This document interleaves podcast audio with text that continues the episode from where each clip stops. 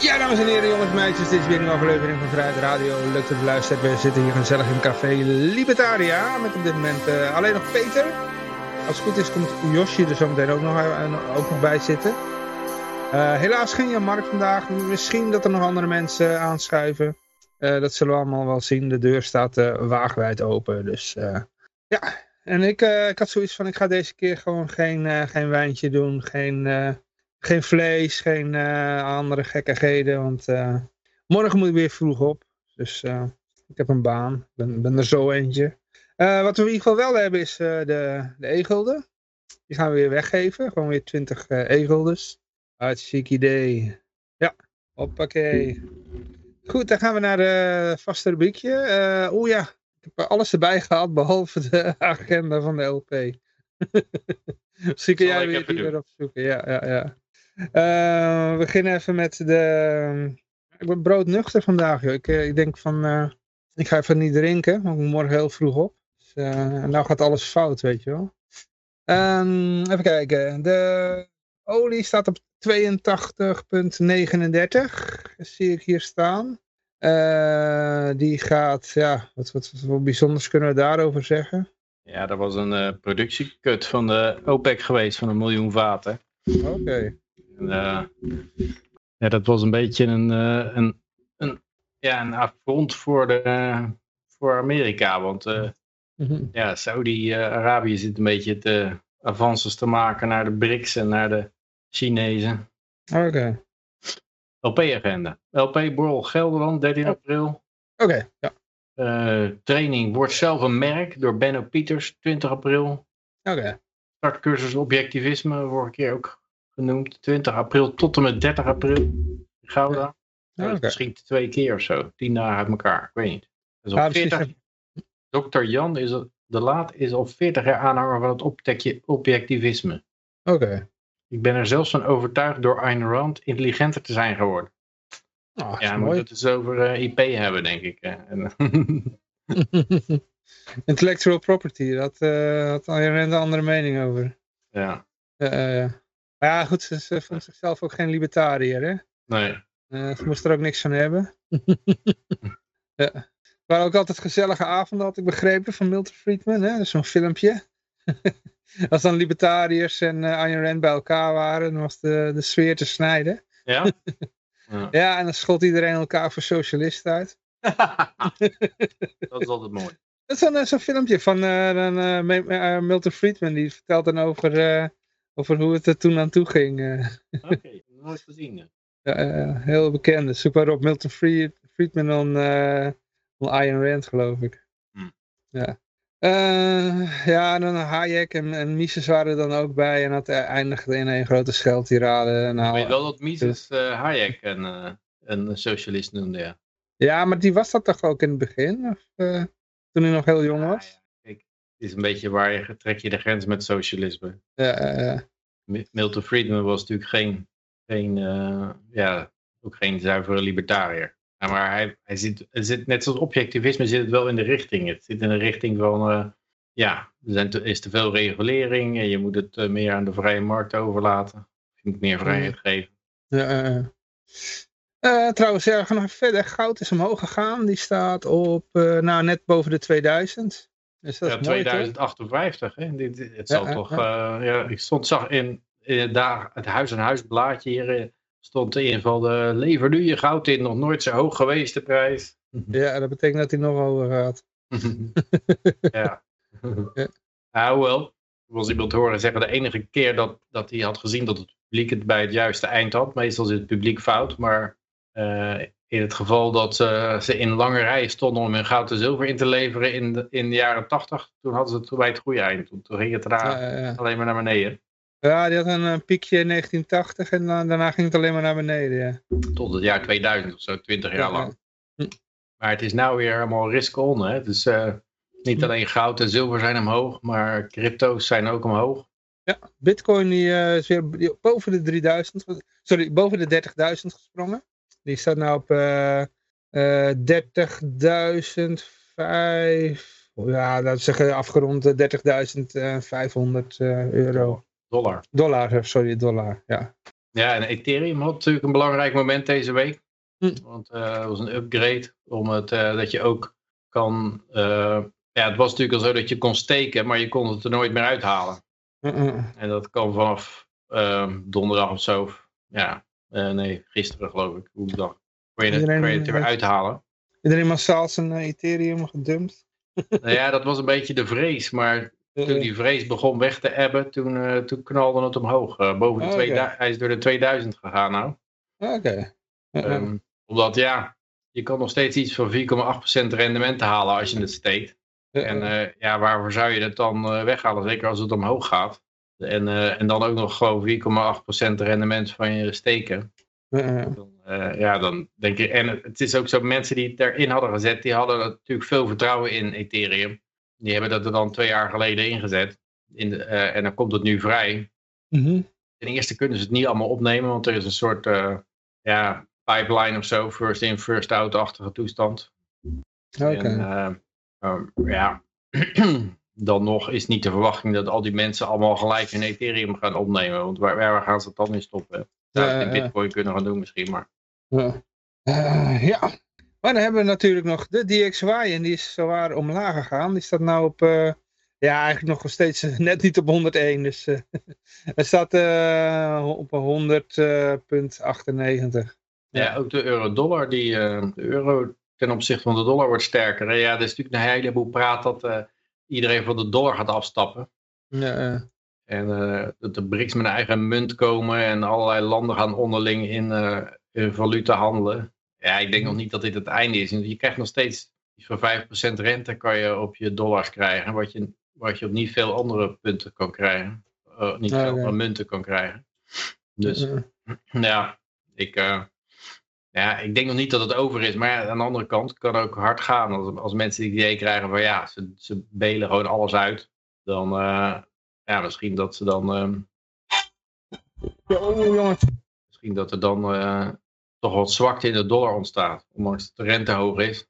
Ja, als de munt omlaag gaat. Dan, ja. Maar ik, denk, ja, ik kan me niet voorstellen dat dit, dit het moment is waarop het gebeurt. Meestal, meestal zit de valuta als laatste. Omdat heel veel mensen zijn er zo aan gewend aan in dollars handelen. Ze niet echt weten hoe, uh, hoe ze het anders zouden moeten doen. Dus er moet echt wel duidelijk alternatief zijn. Maar daar, daarvan hoorde ik ook weer iemand zeggen. Maar ja, die yuan, dan zit je natuurlijk weer in een Chinese kamp als je dat als je dat gaat doen. Dat heeft ook weer zijn nadelen. En misschien dat bitcoin een soort onpartijdig, niet politiek gestuurde munt kan zijn die een soort compromis vormt tussen, tussen al die munteenheden. Ja. Maar, ja, nu we het toch over geld hebben. Uh, de Bank of England, die is ook druk bezig geweest met nieuwe biljetten aan het drukken. ja. Terwijl pas voor, volgend jaar gaan ze pas gebruikt worden. Wat is dit? Hopelijk zijn ze dan nog wat waard. Ja, ik vond het wel grappig. Dan gaan ze een nieuwe biljet drukken met Prins Charles erop. Ja. Ik heb echt het idee dat dat dan de kortste... Die Queen Elizabeth die heeft er weet ik niet hoe lang op gestaan. En nou krijg je, krijg je aan het eind nog even Prins Charles erop. Voordat het echt de grond in gaat. Uh, ja. Um... ja, het idee ook altijd... Dat vond ik met de euro wel interessant. Dat ze op de euro niet een portret van iemand zetten. Omdat het al... Ja, dat is... Uh, zeker het portret van Prins Charles. Ik weet niet of dat nou echt uh, ja, veel uh, vertrouwen inboezemt. Uh. Uh, Beetje maloot. Tja, nou ja, goed. Ja, ze zijn ook trouwens bezig met de Britcoin. niet de bitcoin, maar de Britcoin. Mm. De, de, digitale pond, zeg maar. Ja, dus, ja ze zijn natuurlijk overal bezig met CBDC's. Hè? Dus, ja, maar daar gaan ze al mee oefenen en dan zeggen ze, ja, de privacy is gewaarborgd. Ik, dacht, ik, ik, dacht dat ik hem tussen had gedaan, maar dat is kennelijk niet, heeft het niet gehaald bij de eindversie van de berichten. Maar in ieder geval, ik, ik heb hem nog wel in mijn hoofd zitten.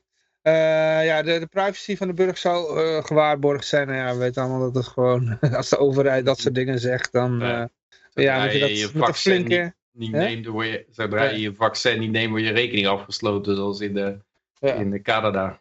Ja, en ze kunnen bij het minste geringste met een of andere excuus kunnen ze zeggen, hm. ja, nee, ja, de privacy is gewaarborgd, maar... Maar dit is natuurlijk een exceptioneel geval, net zoals de, de dollar gewaarborgd is. van witwassen en ja. weet ik veel.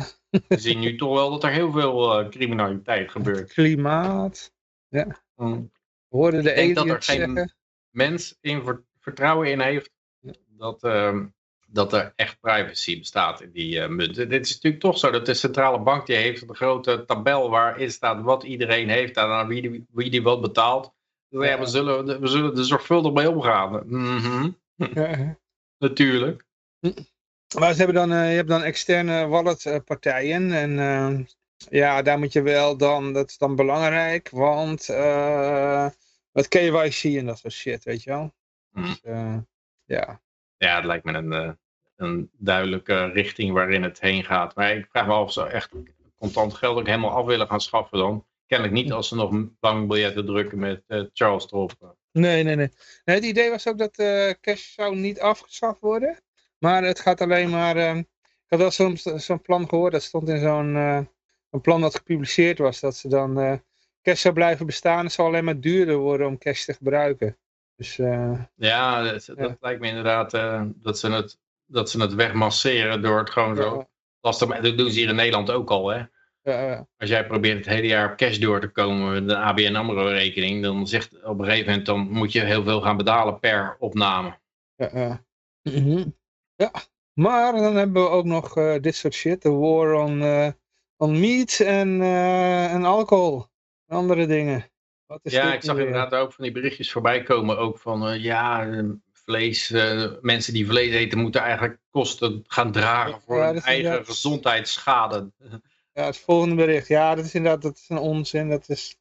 Maar daar gaan we het zo nog even over hebben inderdaad. We hmm. hebben hier nog alcohol. De war on alcohol.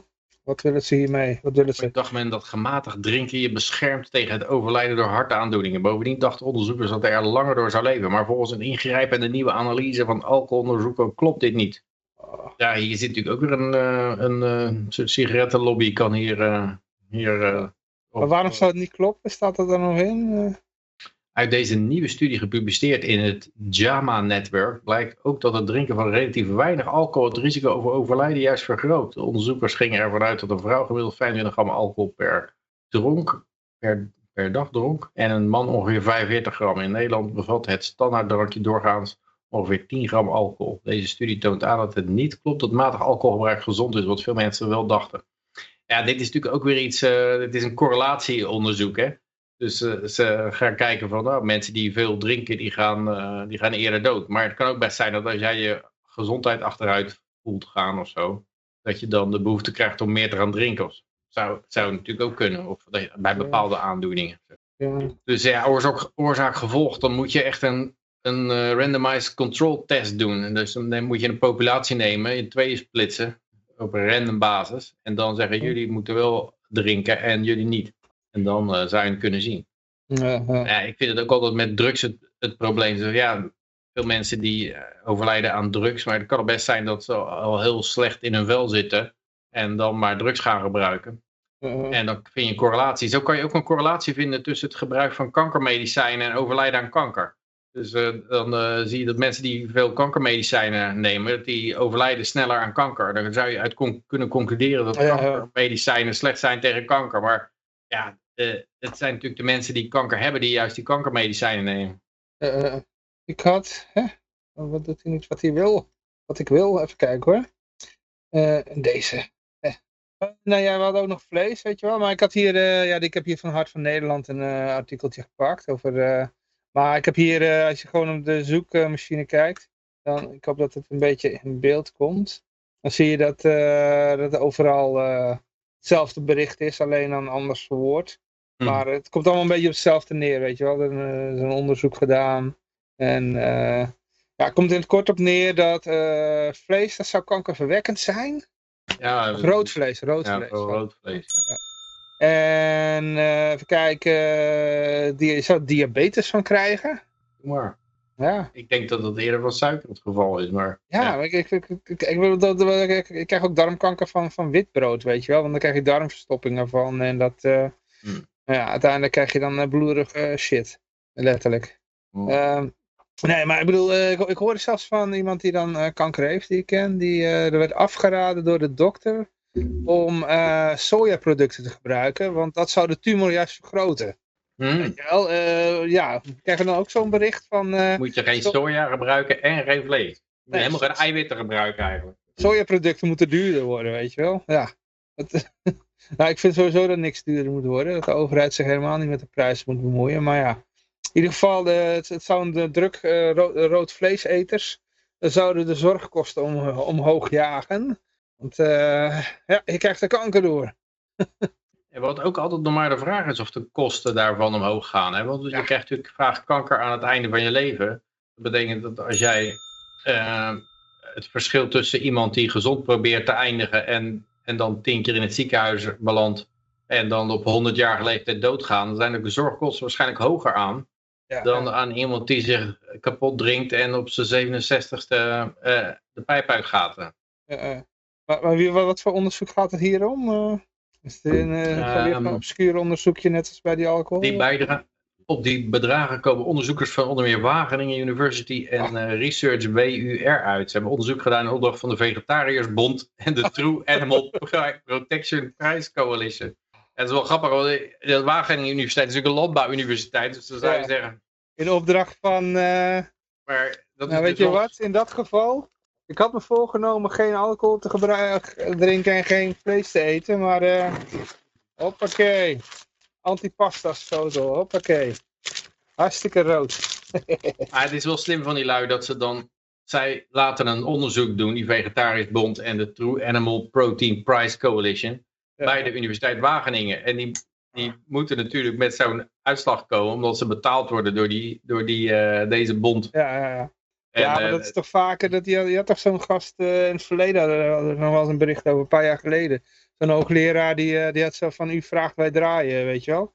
Van, wat, wat, wil je, wat wil je hebben? Nou, en dan zo regel ik dat onderzoekje wel, dat dat eruit komt. ja. Het was allemaal er staat er ook ergens zo'n uitspraak van, ja, 90, 97% of scientists agree with the, with the people funding them. Ja, ja, ja, ja. ja. Oeh, zo hé. Dat is, eh oh, dat is een Bulgaars, eh, ja, eigenlijk een Bulgaarse Bordeaux. Ja, ja, ja, ja, ja, ja. Je krijgt het pas de hol. Nee, het is een, eh, een eh, ja, je mag het geen Bordeaux noemen, want het is, eh, het komt niet uit de Bordeaux-streek, maar het komt uit Bulgarije. En daar eh, zijn ze de laatste tijd heel veel bezig om bekende Europese wijnen, zeg maar, na te maken. En ze doen het zelfs, eh, maken er zelfs iets beter van, vind ik. Eh, want dit is echt, nou tenminste wat ik ruik. Oeh, zo hé. Nou, dat is echt een, eh, nou even proeven dan. Oh, zo. Halleluja. Ja, dit is een lekkere wijn. Ja, ja. Dus, eh, ja. Nee, maar goed. Ze kunnen de tyfus krijgen met die neponderzoekjes. Dus, hoppakee. Ja, het is toch wel iets dat ze door alles duurder te maken wat ze niet willen. Met Ja, ja. contant geld en vlees. En, en ja, dan kun, kunnen ze natuurlijk toch, alcohol, kunnen ze toch heel erg het gedrag gaan sturen. Op een gegeven moment, ja, dan kunnen we mensen het niet meer bekostigen. En dan zou je het moeten kunnen zien dat het eh, samenleving ontzettend gezond wordt. Ja. Eat the bugs wordt het dan, hè? Ja. Nee, ja. Eh, goed, ja. Hm. Nou, ik had ook wel eens gehoord van, ik, ik had in het verleden toen het eerst, het eerst geconfronteerd werd met de, eh, de Meatless Monday of zoiets. Met zo'n vegetariërdag, dat in de bedrijfskantine alleen maar vega te krijgen was. Dan had ik zoiets van, eh what the fuck, weet je wel. Dus toen heb ik ehm, zo'n vleesverwerkingsbedrijf ge-mailed. Van, eh, we moeten hier iets aan doen, weet je wel. Ja, niet letterlijk zei ik dat, maar ik zei van, nou, wat is het, wat, wat, wat de fuck krijgen we nu? Dit is, eh toen zeiden ze, nou, we maken ons niet druk hoor, werd, er- werd er geantwoord, want we zien het verder niet terug in de verkoop. Die, die daalt niet. En toen hoorde ik ook van iemand die, die had dan zo'n supermarktmanager gesproken. Die zei dat op die Vegan Monday dag, de, de eerste keer dat dat landelijk gedaan werd, eh, dat ze nog nooit zoveel plofkippen hadden verkocht in de supermarkt. Ja, dat heb ik ook wel eens gehoord. Dat, er, dat dan, als er dan werd gezegd van door Wakker Dier of zo. Pas op, er is plofkip in de aanbieding bij Eh, Jumbo. Dat er, dat er dan nog nooit zoveel verkocht werd. Dat iedereen zei, oh is het een aanbieding? Hup, zeg ik. Nee, hier hadden ze van, want ze kregen allemaal van die verontwaardigde mensen, ma- vooral mannen van een jaar of 40, 50. Ja, die kwamen binnen op hoge poten van, potverdorie, wat, wat ons is aangedaan. We moesten op het werk vegetarisch eten. Nou, doe mij maar een plofkip. doe mij maar foie gras, weet je wel. Ik wil dat die gans erg geleden heeft. Is, is dat nou zo dat, dat, uh, dat zo'n beest erg lijdt als die... Uh, want het is ja, dat, dus, wordt hier helemaal dronken gevoerd of zo? Of is dat iets anders weer? Nou, dus ze proppen dan... Uh, de, de, ja, er zijn wel eens filmpjes op gedoken. Misschien dat het inderdaad ergens gebeurt. Maar dat die ganzen die hangen dan aan een keel aan zo'n lopende band. En dan wordt er automatisch allemaal graan naar binnen geduwd, zeg maar. En dat, is inderdaad, dat, dat is niet, niet netjes, maar dat, dat, je hebt ook verhalen van... van van boeren die ook dat maken, dat de, gans gewoon vrij uh, rondloopt, weet je wel. En uh, dat hij helemaal niet zo vet gemest wordt. Dus ja, het is... Uh, ik weet niet, ik, ben verder, ik heb dat nooit echt onderzocht, maar ja, er wordt tegengestelde verhalen. Er zullen vast wel boeren zijn die inderdaad een fuck om een beest geven. Dat zul je vast hebben. Ja, als de consument erom geeft, en ik denk dat de consument over het algemeen het wel doet. Ja dan, uh, ja, dan uh, kan ik me voorstellen dat, dat zo'n boer zich daarop aanpast. Uh. Ik had, volgens mij was het een recent TV, ik heb zo'n filmpje gezien van zo'n... Uh, het ging dan over dat soort dingen, over beesten behandeld werden. En dan hadden ze in zo'n boer en dan kon je de, de ganzen met de camera volgen of zo. Die had allemaal camera's, zodat mensen via de website konden checken of het beest er goed behandeld werd, weet je wel. Dus ja, ja. Dus. Maar goed, um, even kijken. Um, moet wel even kijken waar we zijn. Ik zit lekker met een stuk rood vlees in mijn mond. um, oh ja, gewoon naar klimaat, uh, klimaatshit. Je bent nu een recalcitrant. En daar ga gelijk, uh, gelijk oh. extra veel uh, consumeren. Wat, uh, wat niet de bedoeling is. Nou, ik, ik, heb vaak geen idee wat de bedoeling is. Maar even kijken hoor, wat is dit? Wat is er aan de hand? Ja, het uh, punt is altijd bij dit soort dingen dat het ook uh, luxe kan worden dan. Hè? Dus, want op een gegeven moment is het zo duur dat alleen de allerrijkste die kunnen nog uh, sigaretten voorloven. Ja, en dan wordt het een soort, krijgt het een luxe staat. Ik bedoel, drugs zijn ook heel duur. Mm. En toch worden nog steeds drugs gebruikt. En ze zijn illegaal. En er wordt zelfs meer drugs gebruikt dan als je kijkt wat er vroeger voor het hele verbod toen toen heroïne nog legaal was, wat er dan in Londen aan, aan heroïne gebruikt werd, dat was eigenlijk veel minder oh, dan er nu gebruikt wordt, nu het duur en legaal, illegaal is. Nou, uh, ik weet niet, volgens mij is de prijs uh, van drugs ook omlaag gegaan hoor, uh, ook toen het illegaal was. toen in de, toen zeg maar cocaïne was, ja dat was nog wel voor de 1970 zeg maar, dat Nixon met die strijd tegen drugs begon. Mhm. Maar het was, zeg maar, uh, daarvoor was het uh, bijna onbetaalbare drugs. Dat echt alleen de rijken het gebruikten. En doordat er, uh, ja, die criminelen het op de markt brachten, of de maffia, mafioze figuren dat op de markt brachten, ja, wilden ze het wel aan de gewone man kunnen slijten. En daardoor is het juist goedkoper geworden, weet je wel. Zodat, ja, je krijgt op een gegeven moment krijg je schaalvoordelen, waarschijnlijk ondanks de alle hoge kosten. Ja, misschien manieren bedenken, bedenken om het vanuit Colombia naar de. VS te krijgen. Ja. Dus uh, ja, de standaard methode maakt het heel duur en daarom moesten toch uh, betere verbindingen komen en er werden connecties gemaakt, weet je wel. Hm. Ja, en ze kunnen ook via, via het wettelijke uh, apparaat kunnen ze het gaan doen, hè, zoals bij Arkansas. ja, ja, ja, inderdaad, Mina Airport.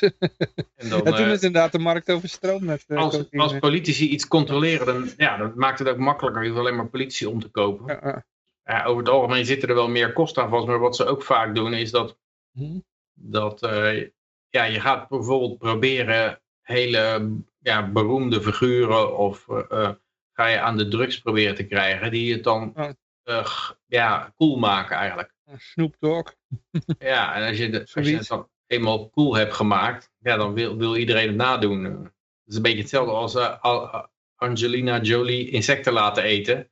In de hm. hoop dat iedereen dat dan volgt en, en insecten gaat eten. Van, nou, dat is mijn rolmodel, uh, daar gaan we. Ja, ik weet niet hoeveel vrouwen ken jij die uh, Angelina Jolie als rolmodel hebben? nee, maar daar rekenen ze toch een beetje op, denk ik. Ja, ik, ik, heb het idee dat dat toch sowieso, als je kijkt maar wat er allemaal voor woke shit uit, uh, uit Hollywood komt, dan denk ik, ja, zijn dat nou nog steeds rolmodellen voor met? Maar ja, het zou kunnen. Ik denk dat uh, Kanye West nog steeds meer, meer volgers heeft, echte volgers heeft dan, uh, dan Jolie. Ja, dat, dat kan je ook krijgen. Dat, uh, mm. dat dat dat soort figuren, ondanks dat ze aan alle kanten afge, afgekoud worden, Mhm. toch eh, heel populair worden bij een bepaalde groep, die, dan, die daar ook keihard met geld naar gooit bijvoorbeeld. eh.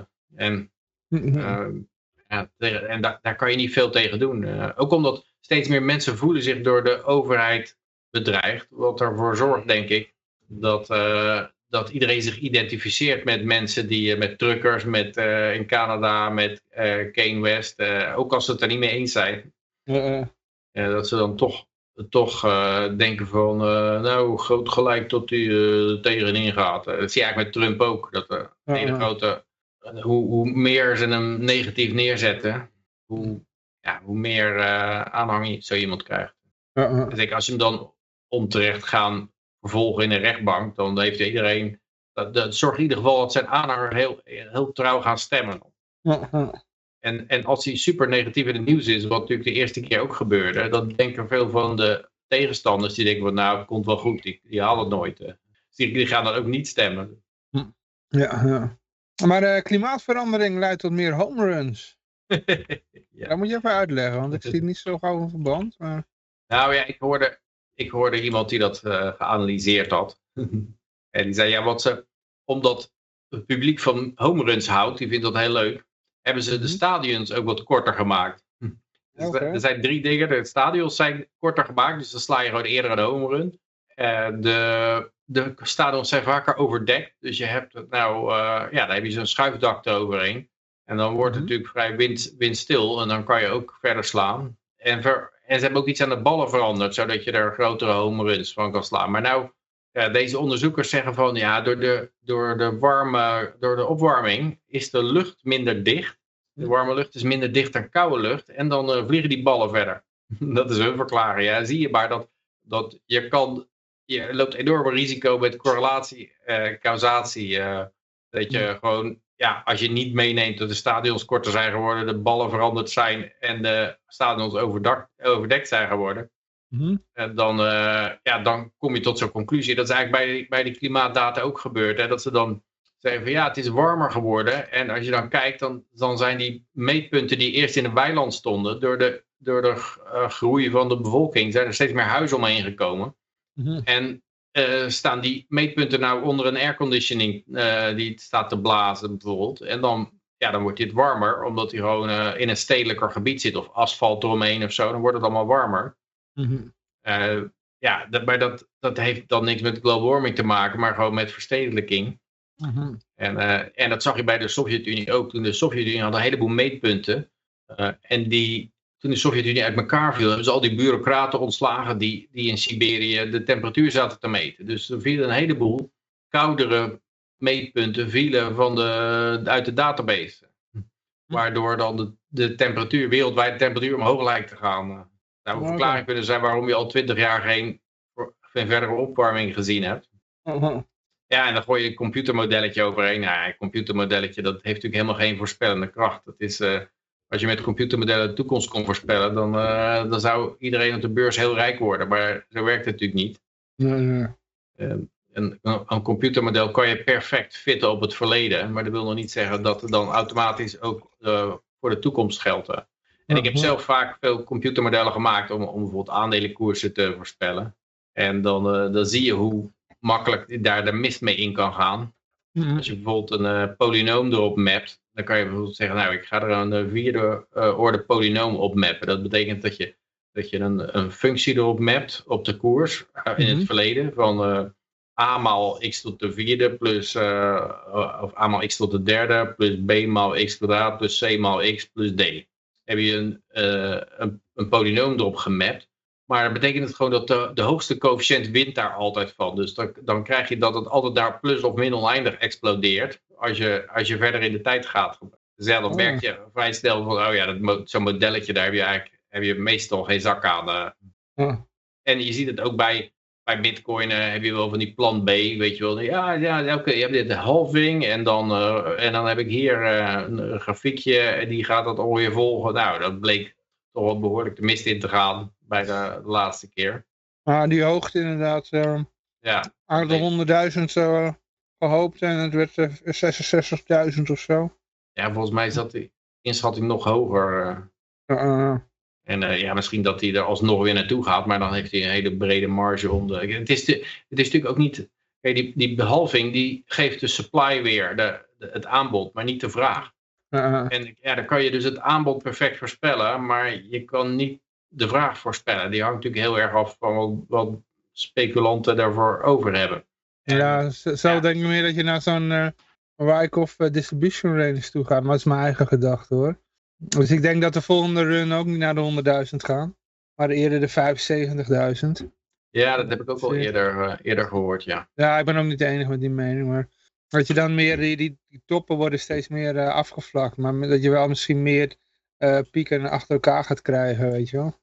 Ja, wat je natuurlijk ook hebt is dat, dat, um, dat twee modellen elkaar tegen kunnen spreken. Ik zag iemand laatst, die had een model gemaakt en die zei, nou als je elke, als je de eerste, de eerste bubbel in bitcoin neemt, en dat was 13.000 procent of zo, als je dat door 5,3 deelt, dan kom je op een uh, nieuw percentage terecht. En dat is precies het percentage van bodem naar top van de, vorige, uh, van de volgende uh, keer. En bij de derde keer was het weer zo. Dan nam je het percentage van die, deelde je weer door 5,3. En dat was dan het percentage van de top daarna. Dan oh, nou, dat betekent dat de volgende keer komt het niet boven de, niet tot de 100.000. komt het maar tot de 80.000. Maar um, ja, er zijn andere modellen die geven weer een, een ander beeld uh, weer. Die geven een andere prijs weer. Ja, en, en er kan natuurlijk maar één prijs zijn tegen die tijd. Dus ja, je kan niet allemaal gelijk krijgen. Dus er is altijd één model fout dan.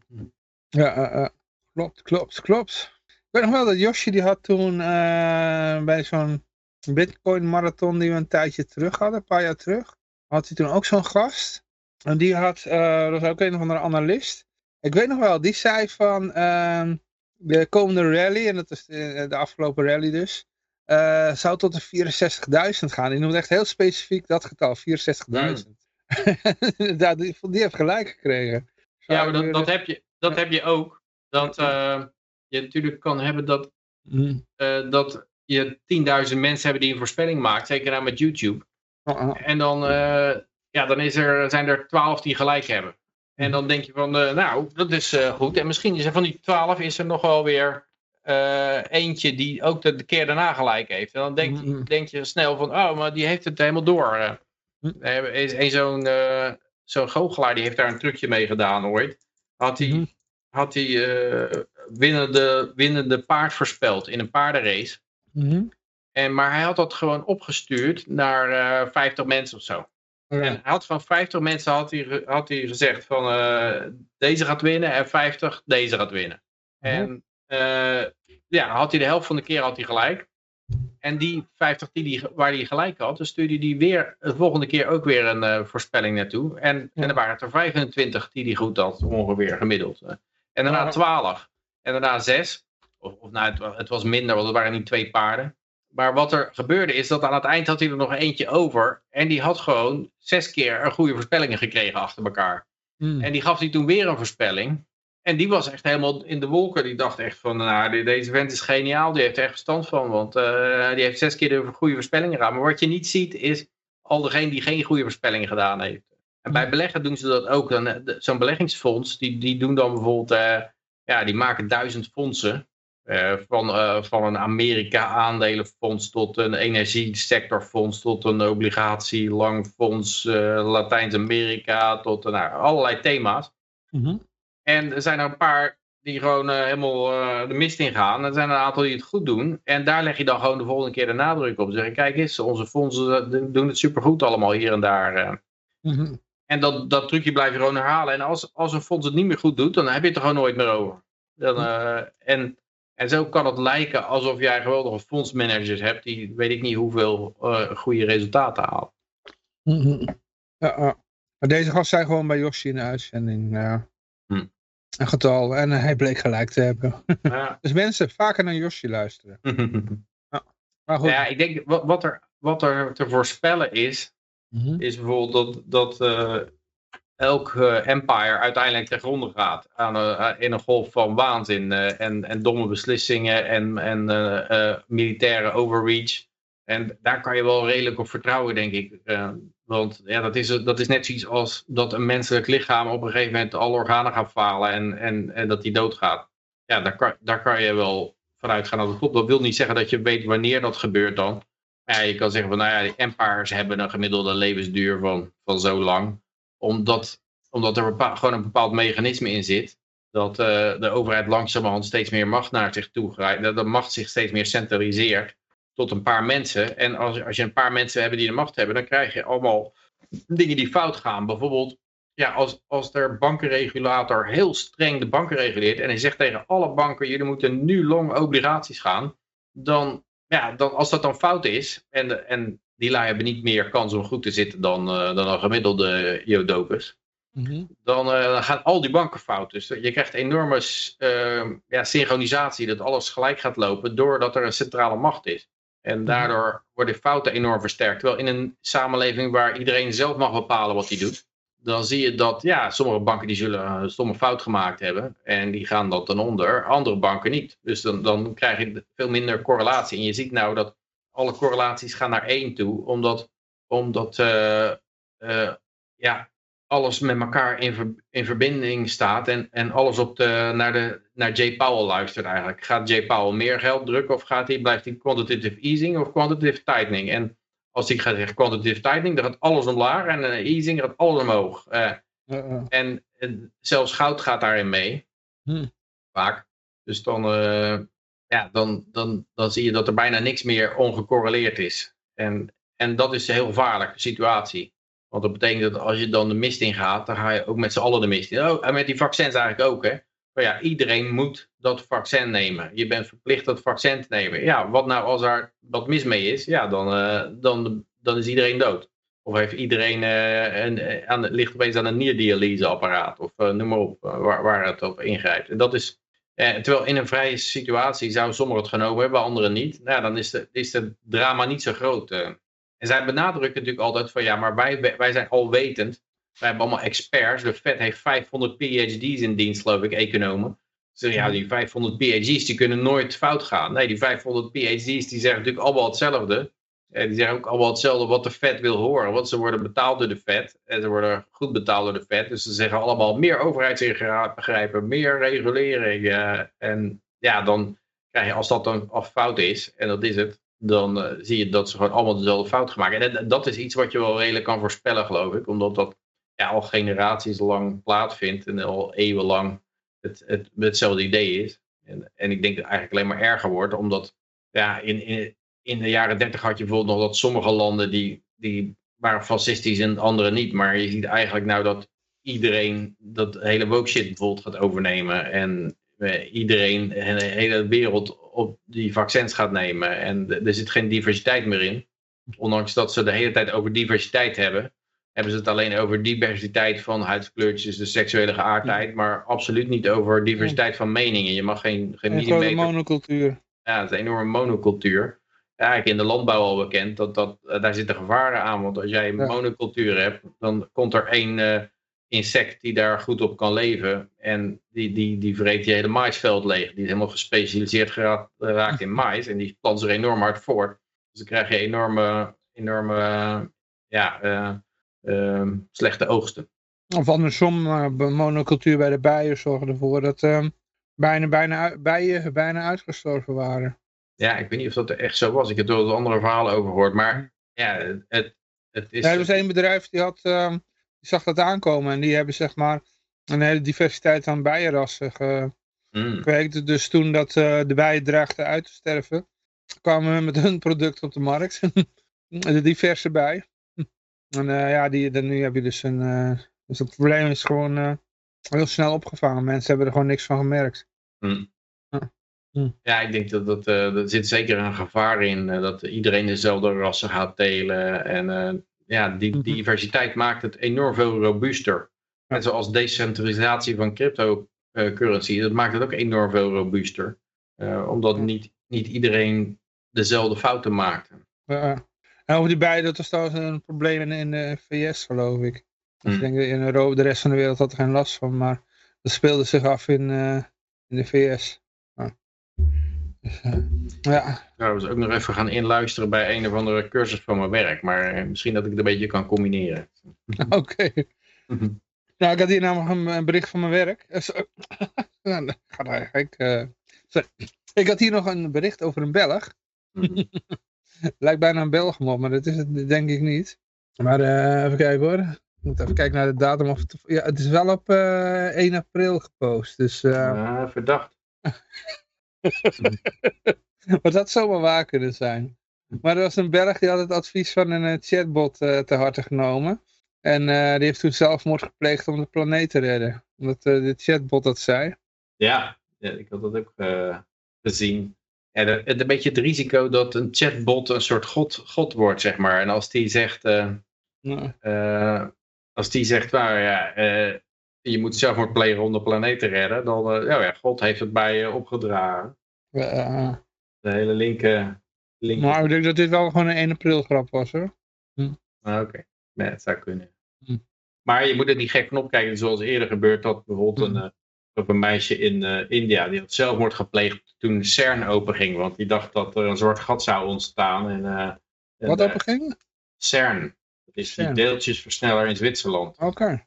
Dat er, ja, zij dacht dat er een zwart, zwart gat zou ontstaan, hm. waar iedereen in opgeslokt zou worden. Oké. Ja.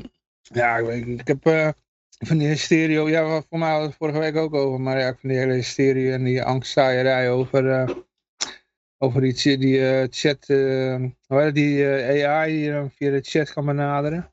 Ja, kijk, het, het, het, komt er en het, het is onvermijdelijk. En vroeger, toen er nieuwe technologieën zeg maar, op de markt kwamen, zoals de auto of het de elektriciteit of het, hoe dat, de gloeilamp, toen waren er ook allemaal doemscenario's van, ja, met de trein bijvoorbeeld werd gezegd, toen die net ging rijden, toen je dat net, net ontwikkeld was, dat, uh, dat je dood zou gaan bij een te hoge snelheid. En dan had men over snelheden hoger dan 30 km per uur. Mm Weet je, dat soort dingen werden geroepen. Dus ja, en de, de kaarsenmakers die zeiden dat er heel veel werkeloosheid zou komen door de elektriciteit. Dus nou ja, vandaag de dag worden nog steeds kaarsen verkocht. Volgens mij zijn er meer kaarsenmakerijen uh, tegenwoordig dan in de 19e eeuw. Dus, uh, maar goed, ja, het zijn ook meer mensen natuurlijk. Dus ja, al die uh, doemscenario's die komen niet uit, weet je wel. Het, het, komt er, maar dat wil niet zeggen dat de oude technologie verdwijnt, weet je wel. Er rijden nog steeds mensen op paard, met paard en wagen rond, weet je wel. In het centrum van, van oude Europese steden zie je overal een paard en wagen rondrijden. En voor, voor een tientje kan je dan meerijden, weet je wel. Dus de komst van de auto heeft dat niet uh, doen uitsterven. Dus uh, ja, ik zie ook dat die hele chat, uh, hoe dat, chat GPC, weet je wel, zo'n AI chat. Ja, ik zie het als, als meer als een, een, een zoekmachine 2.0. Dus ja, zo gebruik ik het dan ook, weet je wel. Maar goed, dat zijn mijn gedachten hoor. ik, ik weet niet hoe jij het ziet. Zie, zie jij het als iets engs? Nee, zeker niet. Misschien zijn er mensen in de chat die er uh, anders over denken. dus uh, schrijf gerust wat jouw mening is. Ik, uh, ja, ik, weet, ik zie AI, niet, ja, sommige libertariërs zie ik wel hele doemscenario's schrijven. Van de AI die gaat het allemaal overnemen, die gaat zichzelf perfectioneren. Ja, ik weet niet, volgens mij kan zo'n zo'n AI-bot nog niks uit zichzelf doen of zo. Die, die is nog steeds afhankelijk van input. Ik, heb nog niet, ik denk nog niet dat hij gewoon uit zichzelf kan denken. Dus ja. Ik probeer nog even hier op, kijken of hij op mute staat hier. ja, ik hoor, naast jou hoor ik niemand hoor. Nee, ik bedoel voor mijn meeting hier, die begon niet. oh, oké, oké, oké. Mhm. Nou, als je jou gekke dingen hoor zeggen, dan uh, laat ik het gerust weten. Um, ja, goed, ja, dan gaan we even verder. Even kijken hoor, volgende bericht. even kijken hoor, we waren bij de Bellag. dan gaan we naar deze. Oh, oké, ja. Deze werd ons opgestuurd, geloof ik, door trouwe luisteraar Vuurlong. Of kwam deze van jou? Uh, het gaat over Robert van de Wallen wil geld weggeven. Uh, oh ja, die kwam van jou, geloof ik. Uh, ik verdien zoveel, het is niet eerlijk. Ja. Hm. Ik wil daar even over die ChatGPT zeggen trouwens. Het is wel, het is wel realistisch dat mijn buurman bijvoorbeeld, die kwam gisteren tegen en die zei van, ja, wat was de dood voor artificial intelligence? dus het, het, het, leeft wel, ja. Ja, ik weet het. Ik, ik vind het een handige, handige toevoeging hoor. Dus, uh, laat ik zo zeggen, ik had wel op mijn werk, hadden we een, ik, ben, ik werk in de keuken. Dus ik, we hadden het over allerlei super, hele goede koks en zo. En ik zei, nou ja, we, zou je een recept van hun willen uitproberen dan? Ja, veel te hoog gegrepen. Ik zeg, nou ja, doe het chat, noem eens een kok. Dus iemand noemde dan een kok. Ik zeg, ga zo op mijn mobiel naar chat GPT. Ik zeg tegen die, die chatbot, eerst doe ik zo'n prompt, vergeet alles wat je weet. Altijd heel belangrijk om eerst te doen. Daarna de prompt van, jij bent nou die en die kok. Um, en de volgende opdracht prompt was, uh, maak nu een, uh, een geweldig recept voor dit en dat en dat. En nou, kwam hij met zo'n recept van die kok, weet je wel. Dus ik noemde dat recept zo op. En die zei, ja verdomd, ja, dat zou inderdaad een recept van die en die kok kunnen zijn, weet je wel. mm. Dus het was wel, uh, ja, wel grappig. Ik denk ook dat de voordeel, voordelen ja, beter zijn dan de nadelen. Ja. Maar ja, elke technologie kan gebruikt worden door, door slechte mensen natuurlijk. Ja, natuurlijk. Ik weet dat in New York maakten zich, zich zorgen over dat, dat uh, paardenstront uh, twee meter hoog zou liggen als New York zou doorgroeien en iedereen een paard zou nemen. Ja, nou, er kwam maar, iemand die die stront ging opruimen, ja. Ja, dan kwam de automobiel. Afgelopen, ja. Maar ja, dus eh, als dat niet was geweest, dan was er gewoon iemand gekomen die zei, nou ja, voor zoveel uh, dollar wil ik al die stront opruimen, weet je wel. Ja. ja. Nou ja dus, uh, meestal is het, is het in de vrije markt is het geen probleem. Mm -hmm. Maar ik vind het zo apart uh, over die Robert van der Wallen met zijn geld. dat hij zegt, ik verdien zoveel, het is niet eerlijk. Dat, dat, dat vaak mensen die hun hand ophouden, die gaan zich slachtoffer voelen. En mensen die veel geld hebben, die gaan zich ook schuldig voelen. Die, die gaan zich schuldig voelen over hun, over hun geld. Mhm. Ja, de, ja, hij gaat iemand aannemen, zijn nichtje heeft hij aangenomen en die gaat zijn geld uitgeven aan goede doelen. ja, dit, dit is gewoon uh, net als Bill Gates. Die zegt, ja, ik voel me zo schuldig, ik voel me zoveel, ik ga het allemaal weggeven. Nou ja, we weten allemaal wat hij inmiddels doet. Dat is gewoon... dit is gewoon in uh, die, die, die, die, stel, die gaat het in... Huh? Tax shelter. Ja, nee, dat niet alleen. Maar die doet dan dat uh, Bill en Melinda Gates Fonds. En die gaan overal zeggen, ja, jullie moeten die en die overal vaccins promoten.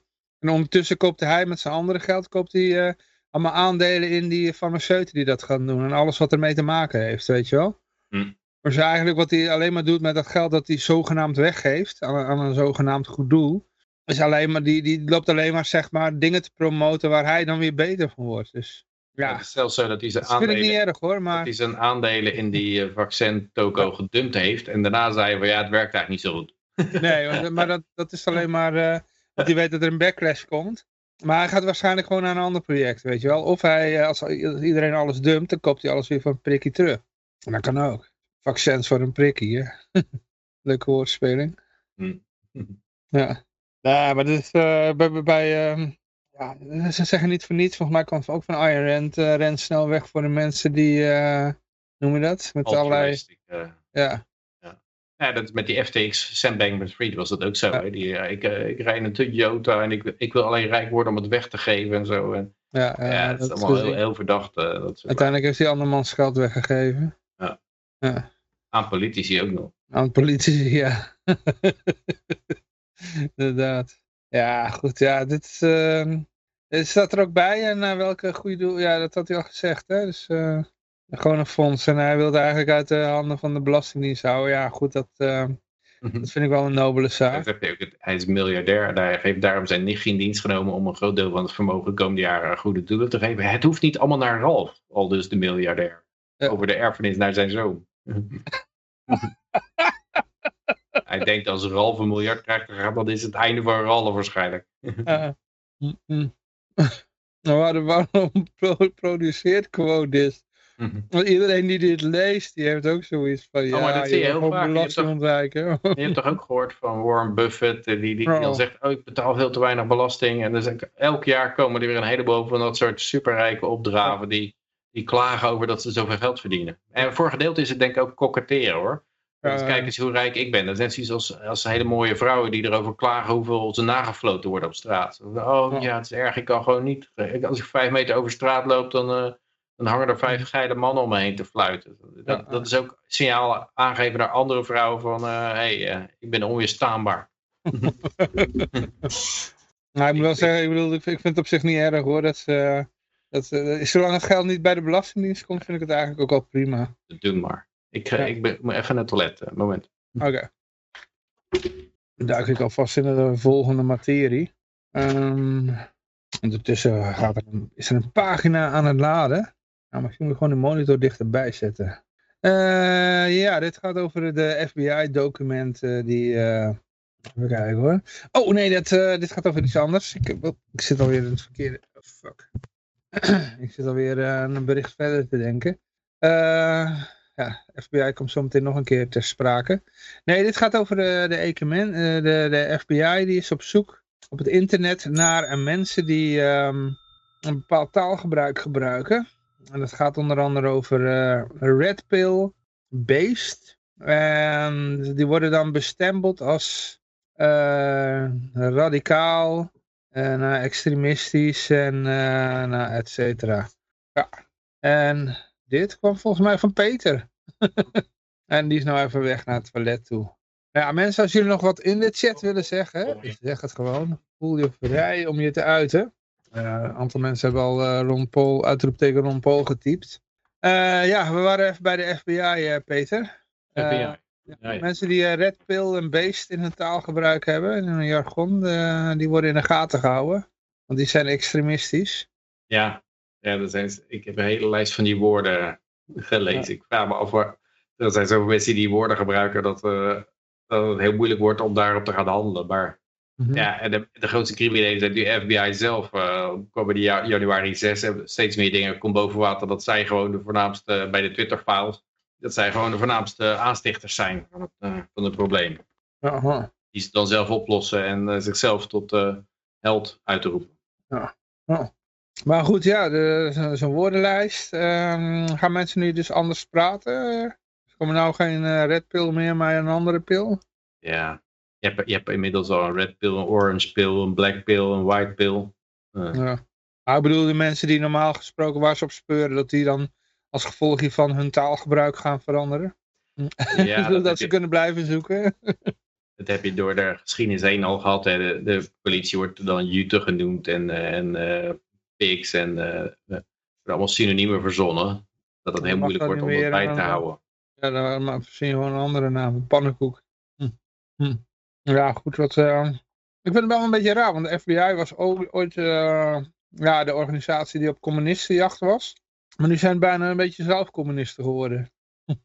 ja, portion of the documents refer to incels. Okay. Threat overview.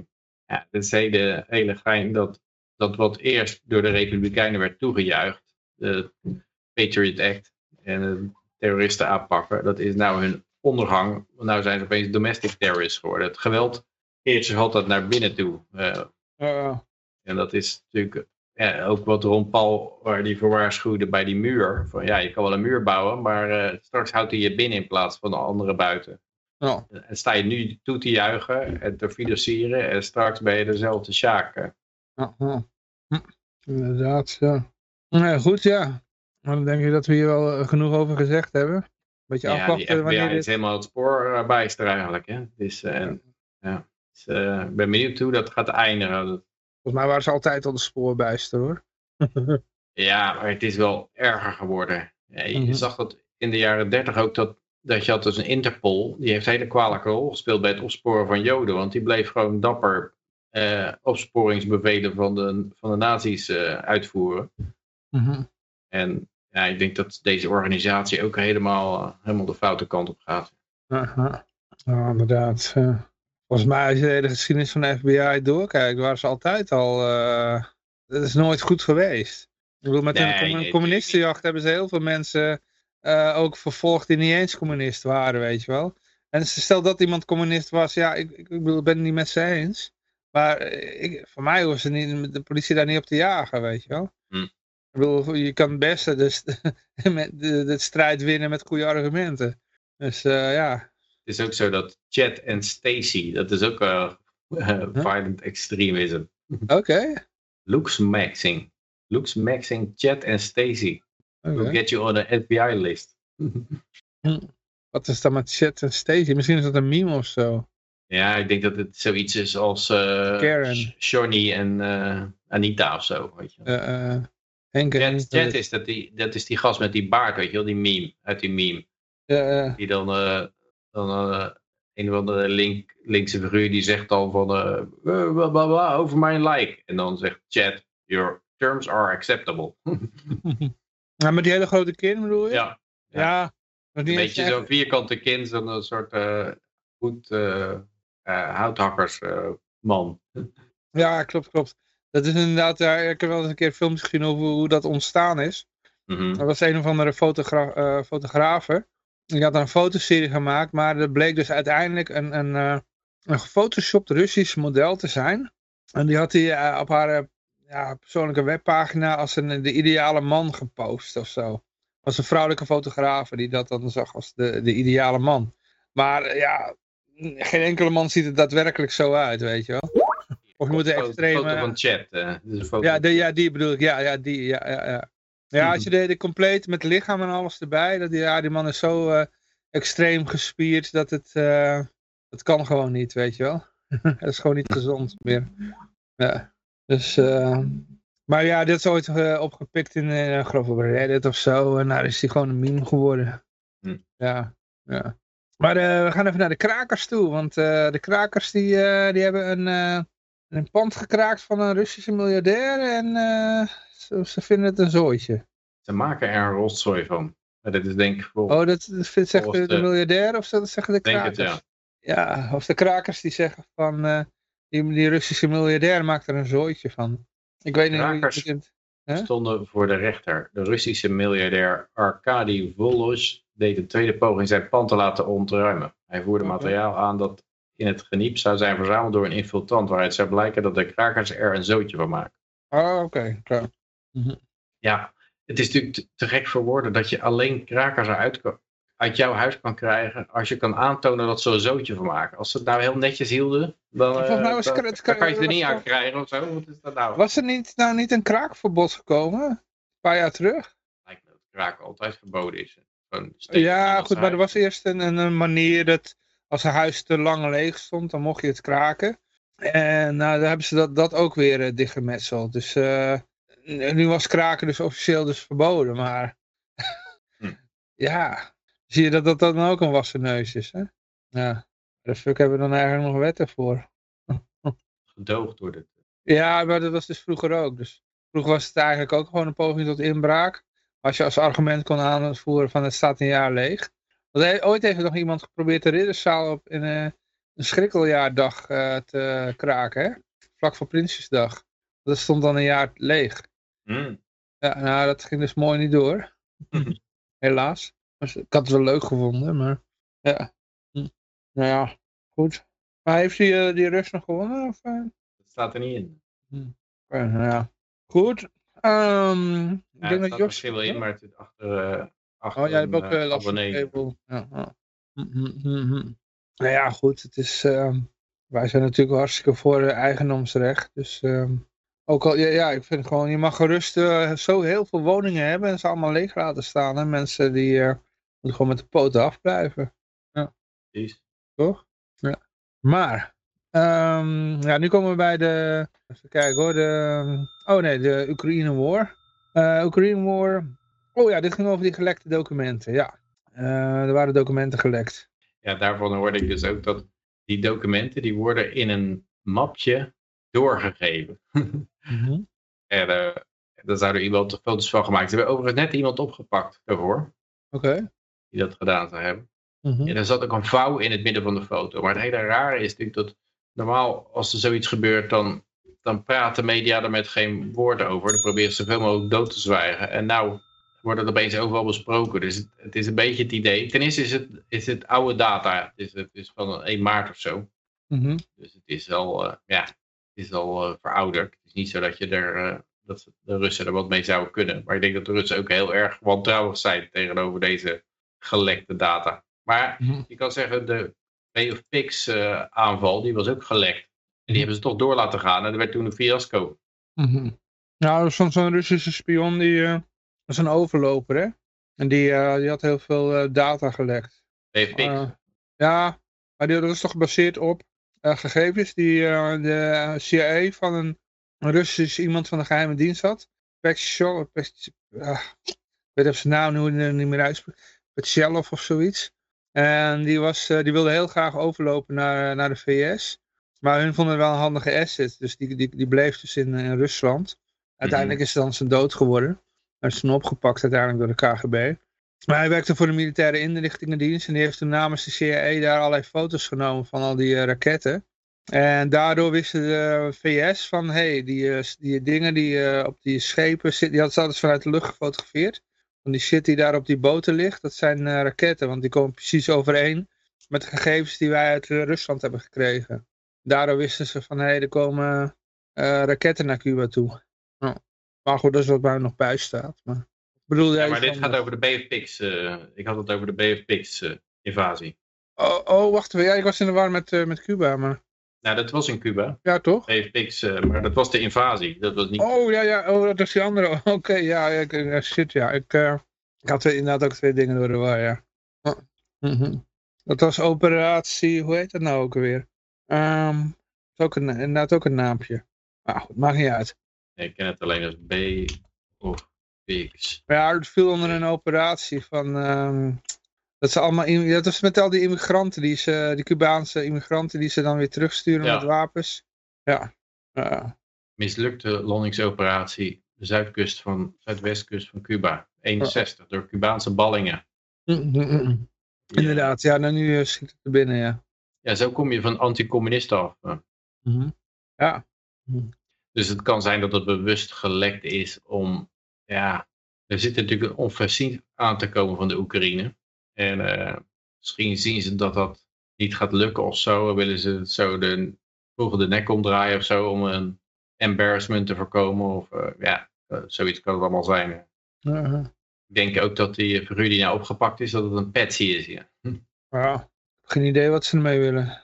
Ja, het kan inderdaad zijn dat het wel serieus gelekt is. En, want ik had het idee van dat er, er werd overal bijgezet van, uh, ja, de data klopt niet, die is bewerkt. Dus de, de aantal uh, doden, dat, uh, dat klopt niet, weet je wel.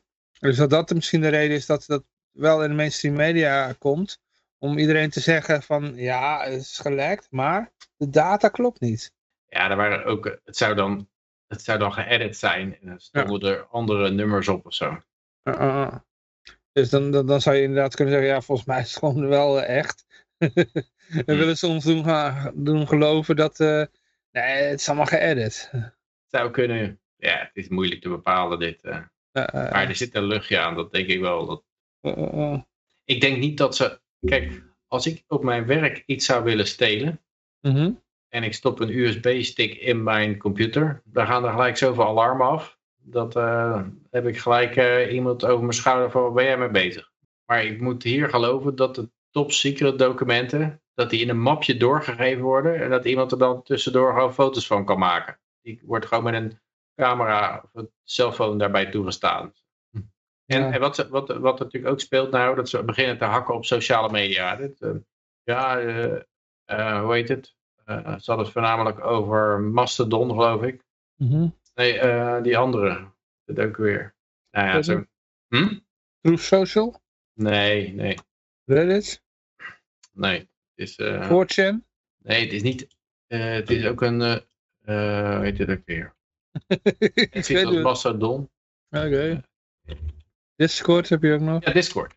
Ja. Oké. Okay, Ze had het af te geven op Discord. Dat uh, ja, Discord doet niet genoeg. En Discord kwam wel, oh, we zullen beter handhaven en zo. Dus ja, ze willen gewoon uiteindelijk waarschijnlijk uh, die sociale media helemaal kunnen controleren. Dat is uh, natuurlijk ideaal om dat te doen, want ja, er zijn geheimen gelekt. Mm -hmm. ja, moeten mensen allen niet willen. Ja. Nee. Kijk, ja, maar goed, we zijn een beetje nou, uh, we gaan nou naar het wiel toe. Oh, ik zie dat ik helemaal veel berichten op mijn telefoon heb. Uh, kijk, hoor wat er allemaal aan de hand is. Oh, is allemaal niks. Hop, hop, hop, weg ermee. Ik weet niet of Josje nog gaat komen hoor, maar... Uh, uh, goed, ja, ik ga, ga even naar het wiel toe. Hoppakee. Hartstikke idee. Jullie hebben nog even snel de kans om, uh, om uitroepteken Ron Paul in de chat te typen. En dan gaan we aan het rad draaien.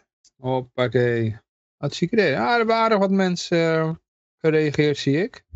Ja, als hij op Vrijheid Radio komt of een, een van de bots. Ik weet niet of er een bot in zit hoor, maar als hij op in ieder geval op Vrijheid Radio komt, dan of een toevallige bot, dan gaat het bedrag door naar de volgende week.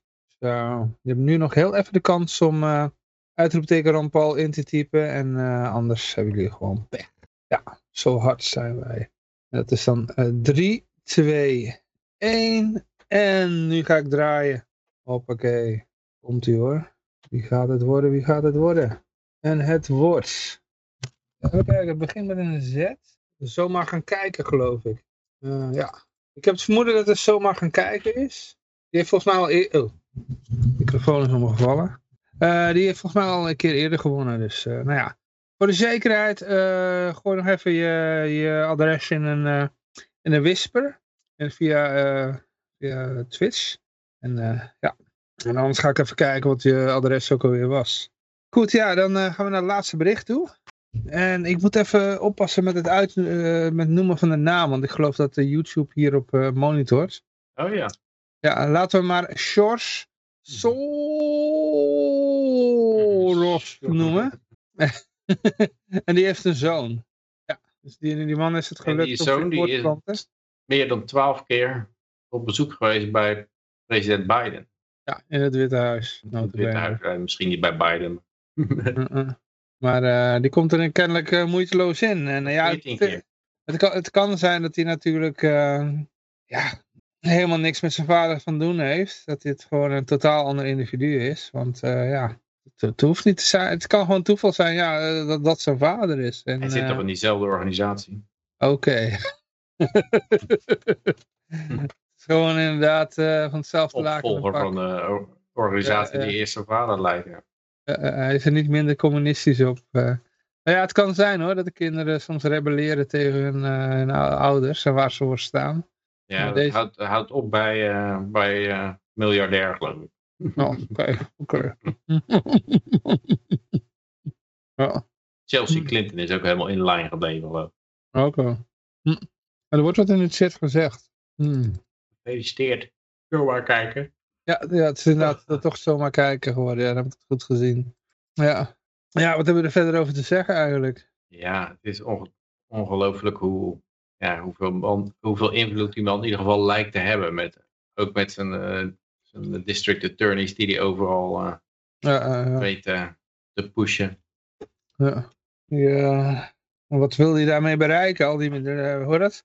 alle kleine misdaad, uh, worden, mensen niet voor gestraft. Maar als een, een, een, hoe het vorige week over gehad, als een, uh, kleine ondernemer een, een hoe het? Een masker even afdoet, om zijn neus te zitten. nee, een kleine ondernemer die wil zeg maar een, een, een, overvaller uit zijn winkel slaan. Dan, dan krijgt hij levenslang of zo. Mm.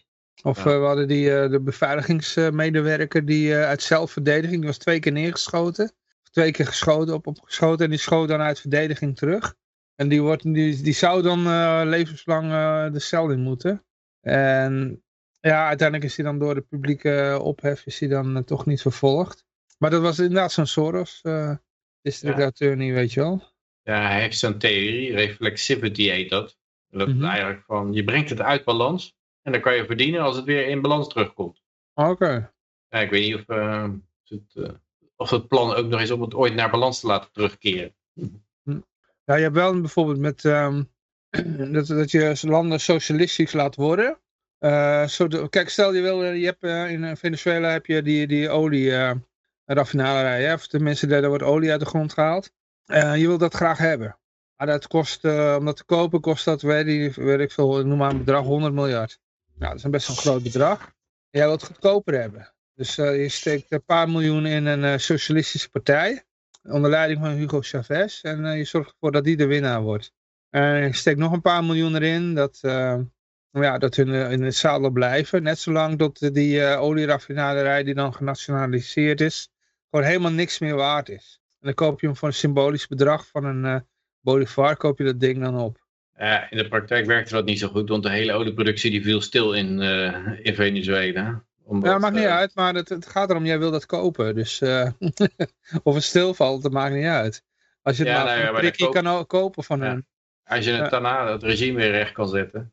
Nee, dat, eh, nee, dat bedoel, ja inderdaad, dat, dat, dan, dan, dan investeer je weer in een andere partij. Die dan die socialistische partij ja. uit het zadel helpt. En dan, oh, daar vlak daarvoor koop je het voor een prikkie. Ik weet niet of dat, of dat tweede stuk lukt. Ja, natuurlijk. Met, met, met een paar miljoen kun je wel een paar mensen daar omkopen dan. Te zorgen dat het lukt. Ja, het zou een techniek kunnen zijn, ja. Zou, ja, en ben je goedkoper uit dan... Het klinkt een beetje als, uh, als de reflect, reflexivity uh, toestand ja. van, uh, van Shores. Ja, oh ja, maar de, de Soros. Hm. Ja. Misschien moet ik weer... De, ik, ik had vroeger had ik zo'n effectje. Zo'n echo-effect. Hm. Zo, misschien kan de bot dan van, van YouTube dan niet horen wat ik dan zeg. gooi ik er zo'n echo in. Kijk hoor, wat wordt er nog wat in de chat gezegd? Oh nee, nog steeds hetzelfde, ja. Ik denk niet dat, uh, dat Josje nog komt. Dus ja. Maar ik, mijn wijn is nog niet op en mijn vlees is ook nog niet op. Dus we kunnen nog even doorhouden en het is nog best wel vroeg.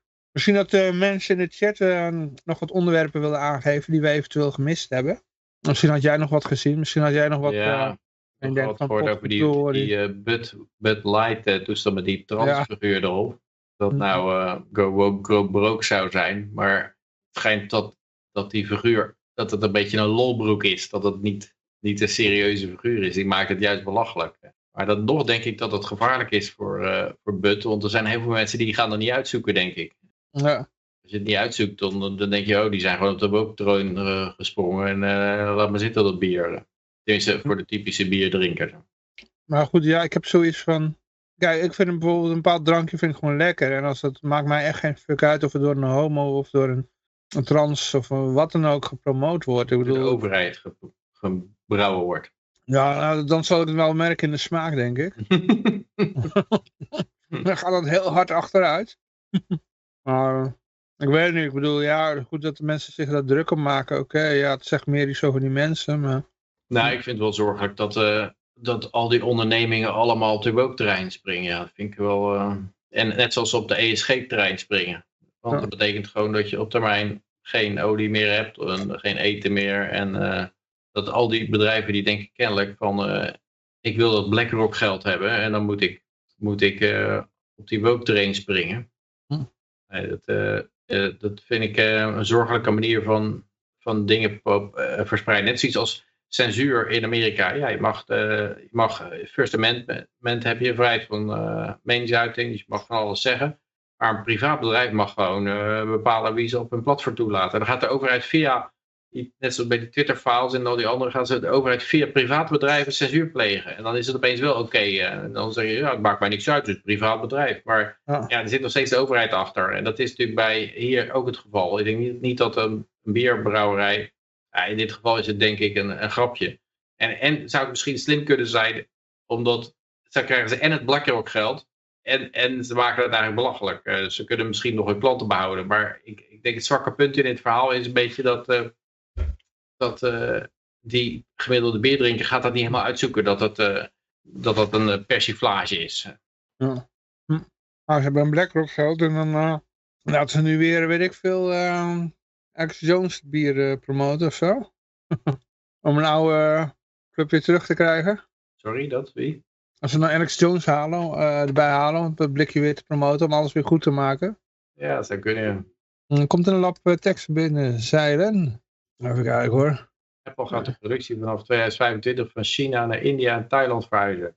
Veel beter werkomgeving, ja. Iedereen, ja, die voelen de bui wel hangen. Dat China is een beetje een warfooting. En ze willen natuurlijk mhm. niet vast komen te zitten dat al een productie uit China komt en dan China Taiwan invult. En dan krijgen ze de behandeling van, uh, van Rusland, waarbij die ook al alle McDonald's konden er weg en alle pizza hutten en alle bedrijven die konden de deuren sluiten. Daar zien ze waarschijnlijk, ja, hebben ze geen zin in. Dus ja, dan gaan ze dat naar India verplaatsen. En China heeft natuurlijk ook andere problemen met schulden, met allerlei bubbels, met de bankensector die ook uh, zwak ervoor staat. En een generatiepyramide die er heel raar uitziet. De bevolking is aan het krimpen. En ja, dan kan je gewoon nagaan dat het over een bepaalde tijd alleen maar oude mensen zijn. En uh, ja, dat, dat, wordt ook moeilijker. Ja, ja. Hm.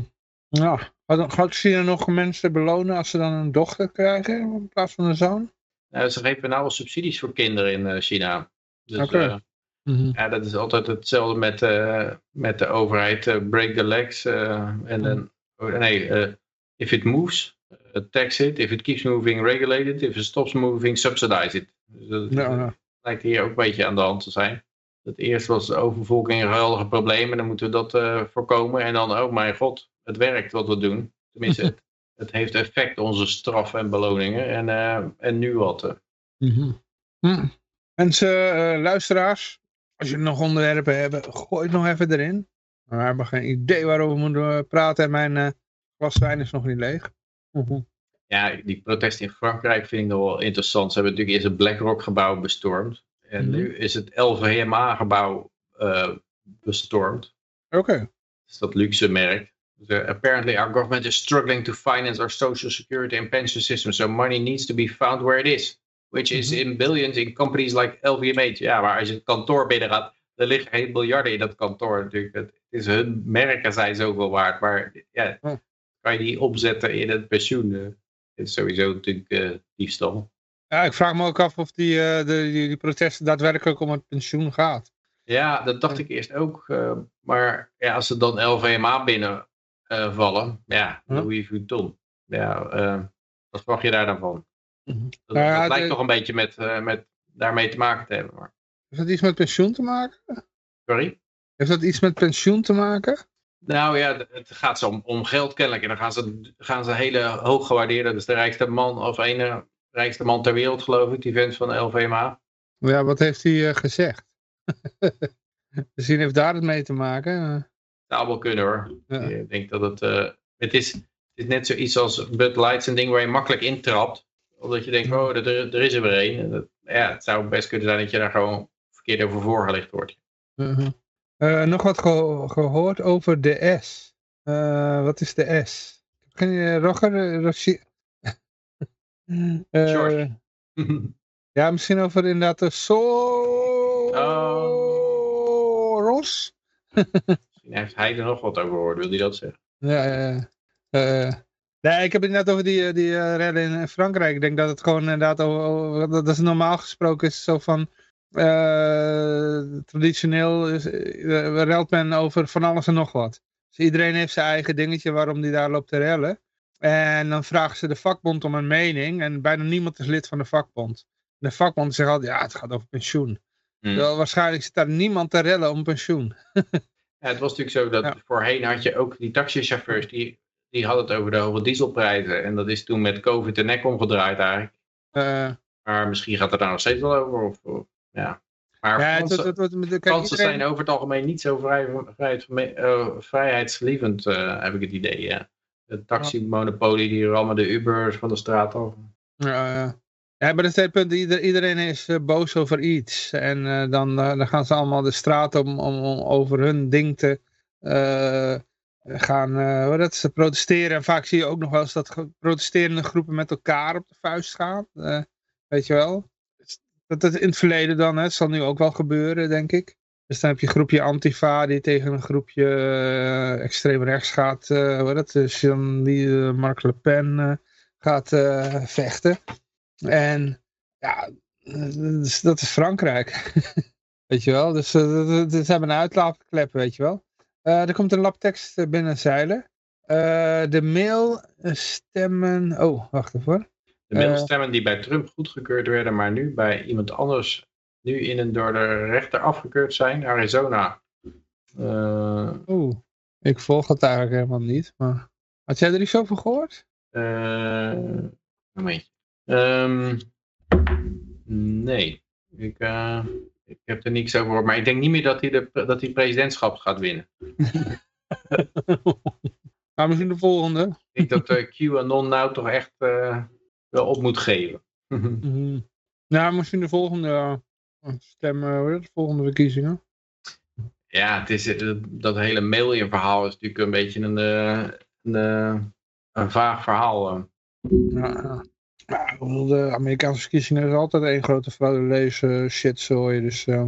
Ja, ik denk inmiddels dat onze verkiezingen eigenlijk ook, uh, zal ook wel uh, niks van kloppen, denk ik hoor. Ja. Tenminste, ja. ja het, is, het is ook zo voor een gedeelte is het natuurlijk, mensen worden ergens in gemanipuleerd. Het idee dat hun, hun milieu ten onder gaat of, of dat de planeet, of het land verdrinkt of dat de gewassen allemaal ten onder gaan door stikstofproblemen. En dan gaan ze vanzelf op een bepaalde manier stemmen. Dat is eigenlijk al manipulatief. Ja. En nu zijn ze bezig met experts en onderzoekjes en zo om, om een bepaald beeld te schetsen waardoor mensen weer anders gaan stemmen. Dan kan je nog zeggen, ja, dat is manipulatie. Dat doen ze natuurlijk wel allemaal met gestolen, gestolen geld. Mhm. Uh, maar um, ja, ik denk dat het steeds meer hardere fraude wordt, zeg maar zeggen. Mhm. Want uh, ja, op een gegeven dus ook zijn uitspraak van uh, het is based on, uh, on fraud en en force. En als de fraud niet meer werkt, als fraude en geweld en dwang. En als de, -hmm. fraude niet meer, als de fraude doorgeprikt wordt, dan, dan moeten ze op de dwang overgaan. En de fraude wordt natuurlijk, uh, ja, die wordt natuurlijk onverbiddelijk een keer doorge, doorgeprikt. En dan, ja, dan moeten ze gewoon op, op pure dwang afgaan, zijn ze van afhankelijk. Mm -hmm. Ik denk dat ze daar ook wel mee weg kunnen komen. Ja. Nou, Rogier zegt nog, als deze bij Trump ook afgekeurd, uh, oké okay, hoor, afgekeurd was, uh, waren, was Trump uh, no press geweest. Nou, president geweest. Oh, nou no press geweest? Of no press? Trump was no press. De now press moet zijn. Oh, de, de letter W die mist. Oké. Okay. Ja. Nog? Ja, heel vaak met die oh, verkiezingen. Nog. Het zijn dat, dat die verkiezingen altijd op de 50-50 nek-aan-nek race uitkomen. Oh omdat uh, ja, als het bijvoorbeeld 80-20 zou zijn, een gelopen race, dan, dan valt er geen geld aan te verdienen. Dan krijgen die netwerken, die krijgen geen uh, donaties, de politieke partijen krijgen ja. geen steun.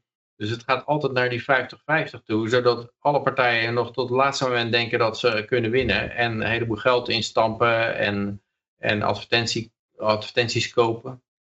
En uh, ja, zo, doen ze dat een beetje, denk ik. Ja, en dat is natuurlijk bij onze ons een beetje anders, omdat wij een heleboel verschillende uh, partijen hebben. Het is niet zo'n mm -hmm. twee partijen systeem, maar uiteindelijk zal het niet veel verschil uitmaken, denk ik. Hoe, uh...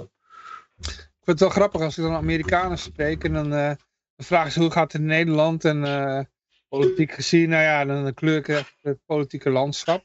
Dan zeg je ja, VVD, you can compare it with the Republican Party en ja, toen hadden we nog het PvdA als grote. Toen zei ik, uh, ja, dan de PvdA is uh, the Democratic Party. And then uh, we have D66, they are also Democratic. And then we have the Christian Union. And also then we democratic. have the Socialist Party. You have Socialist Party.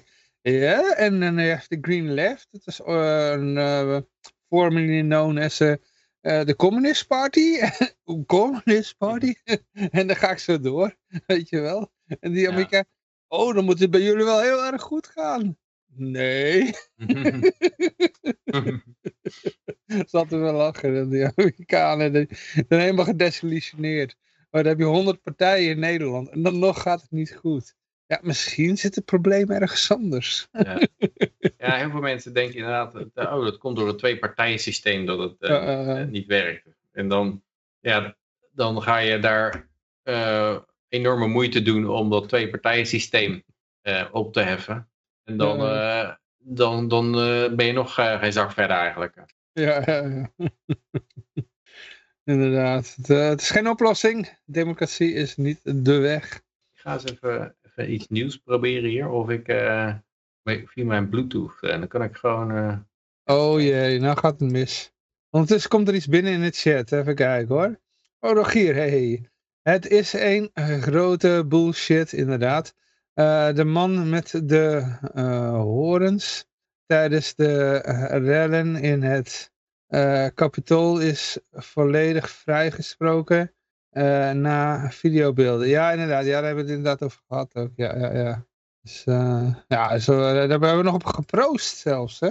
Weet je nog? Dan heb ik, uh, nou, ik zal alsnog het glas hebben, even op, op deze man. Met de horens. Ja. Nee, inderdaad. Nee, werkt Ik probeerde inderdaad iets nieuws, maar dat werkt Nee, nee, nee. Ja, Bluetooth, joh, vergeet het maar. Nou, op zich werkt het meestal wel. Het zou anders zijn, dan kan ik gewoon wat rondlopen. Ja, ik denk dat ze met één persoon... Uh, ja. Aan de balie dit jij dan. Uh, maar dan kan ik in ieder geval een kopje thee halen. Ja, maar... kijk, als je met, met één, één, één ding zeg maar bezig bent, dan, dan werkt het, weet je wel. Ja. Maar als je, ja... Dus, Maar ik vind met, met, met bellen, met praten, zeg maar, als je dan aan het praten bent en door het huis gaat lopen, dan, heb je, dan gaat het toch allemaal weer zo dat geluid. Dan heb je ups en downs en storingen en het punt is een beetje, je loopt dan buiten bereik uh, soms. Dat heb ik ook wel eens, dan laat ik de telefoon in de auto liggen en dan loop ik uh, weg en dan ben ik bij de voordeur van het kantoor en dan, uh, dan, dan valt het geluid weg. Dan denk ik, oh shit, mijn telefoon in de auto laten liggen. Ja, ja zeker. Maar, ja, god, ik ben nog steeds niet aan het einde van mijn glas. Ik moet misschien sneller drinken. ik kijk altijd een beetje door Zero Hedge heen, wat ik nog bij Zero Hedge zie gebeurt er nou? Ik kan deze wijn wel aanraden. Het is uh, Bulgaarse wijn. En het zaakje kan ik ook even opnoemen. Als je in, ooit in Utrecht bent, uh, achter het Centraal Station er staat een, uh, een moskee. En als je naar die moskee toe loopt, dan zie je daar een winkelstraatje. Dus met heel veel Turkse winkeltjes, zeg maar.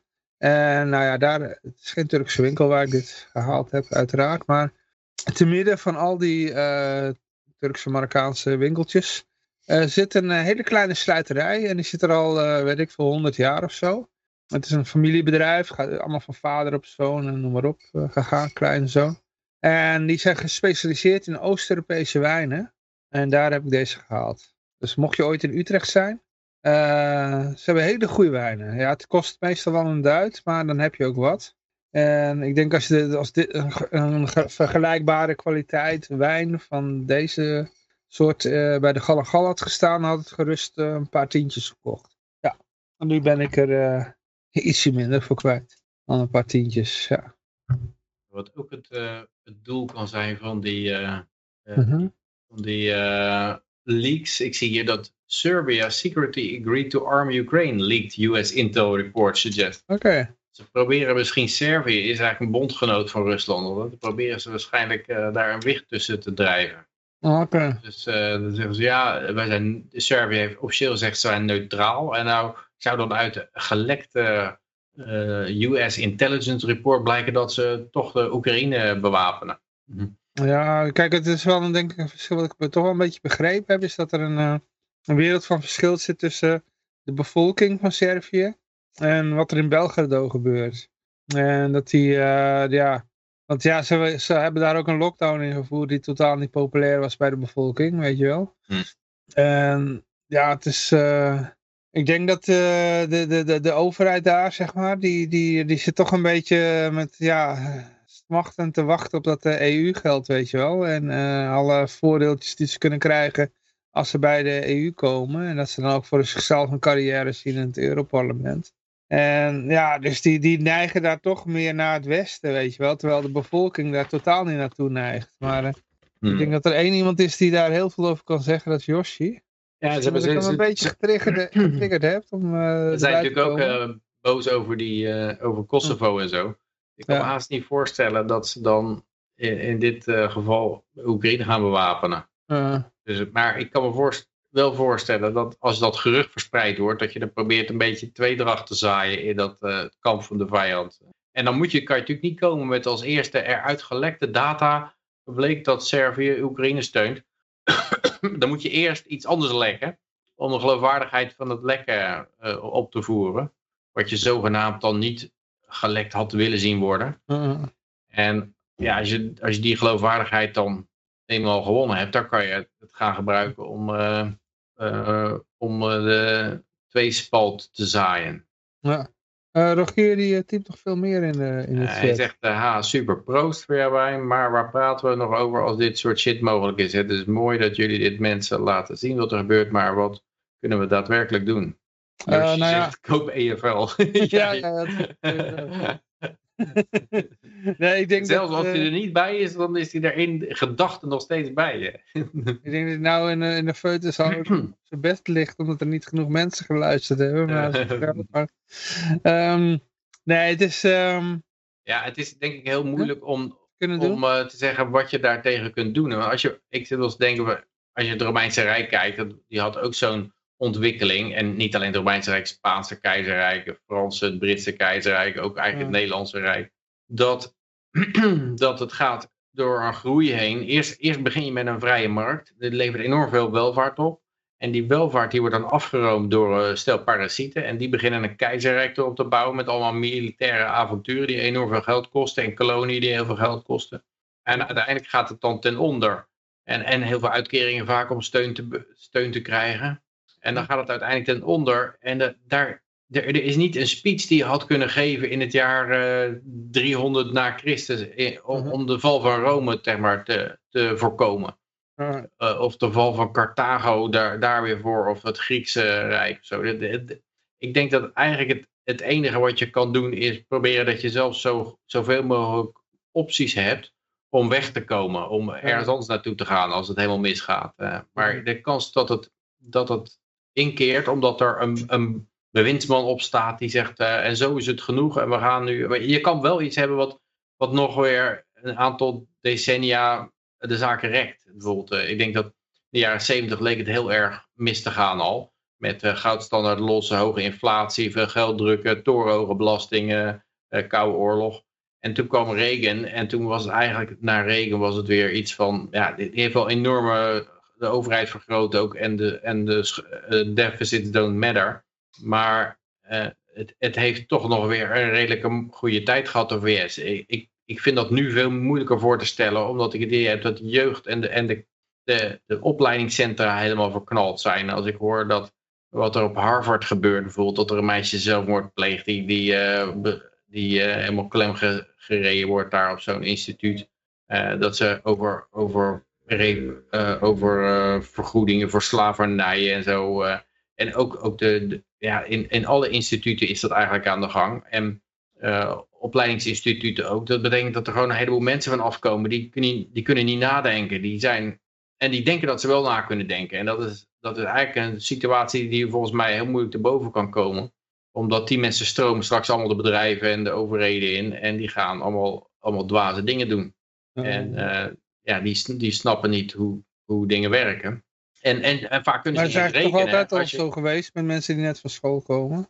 Denken dat ze alles weten en dan komen ze het bedrijfsleven in.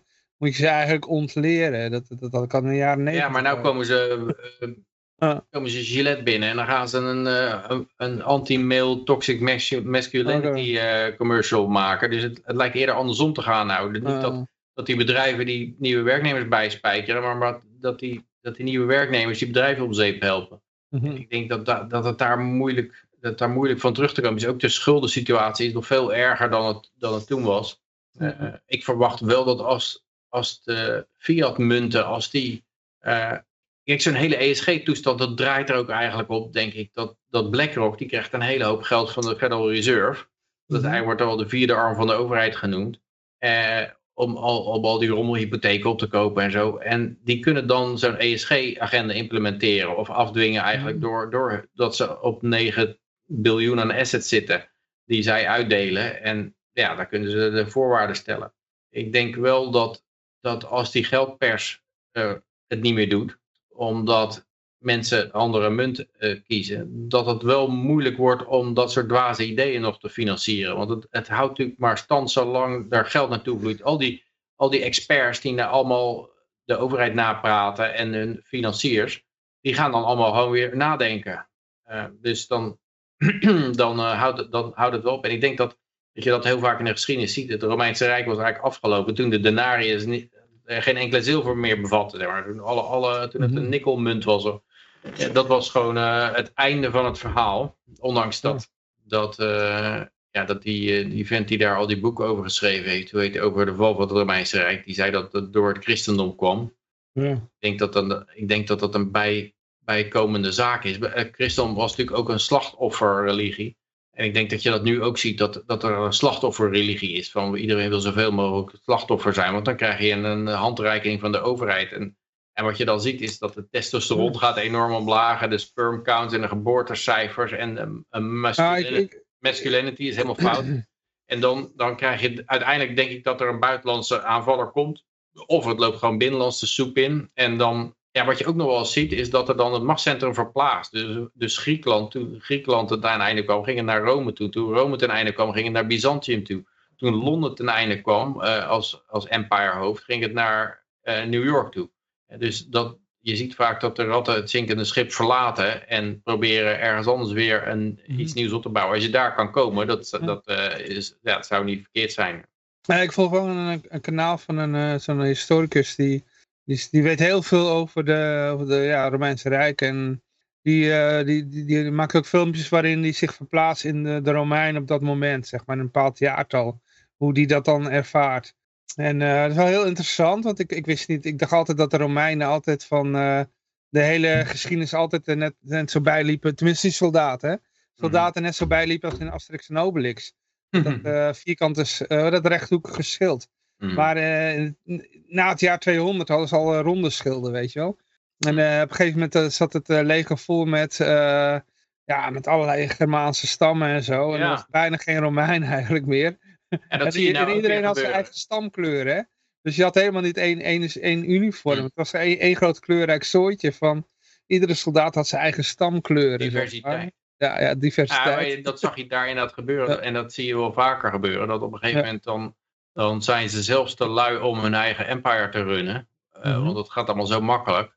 Ja. En dan krijg je die cyclus van eh, strong men create good times. Good times create eh, weak men. Weak men- create eh, bad times. En, Ja, het was wat die historicus zei, is dat de Romein, want hij had heel uit geschriften gehaald, hè, dus die heeft heel veel literatuur gelezen uit die tijd. mhm. Dat de Romeinen hadden op dat moment ook helemaal niet door dat, niet het gevoel, zeg maar, dat, het, ehm, dat, dat, dat, ze in de ondergang zaten van het Romeinse Rijk. Maar het ja, dat, dat, zal, dat zal wel Ja. niet zo zijn. Dat, dat, maar en zelfs niet de uiteindelijk... mensen in Rome, hè, toen, toen Rome Uiteindelijk- een paar keer gesekt was door, de, door allerlei goten, visigoten, noem maar op, eh, hadden ze nog niet het idee dat dit het einde van het Romeinse Rijk was.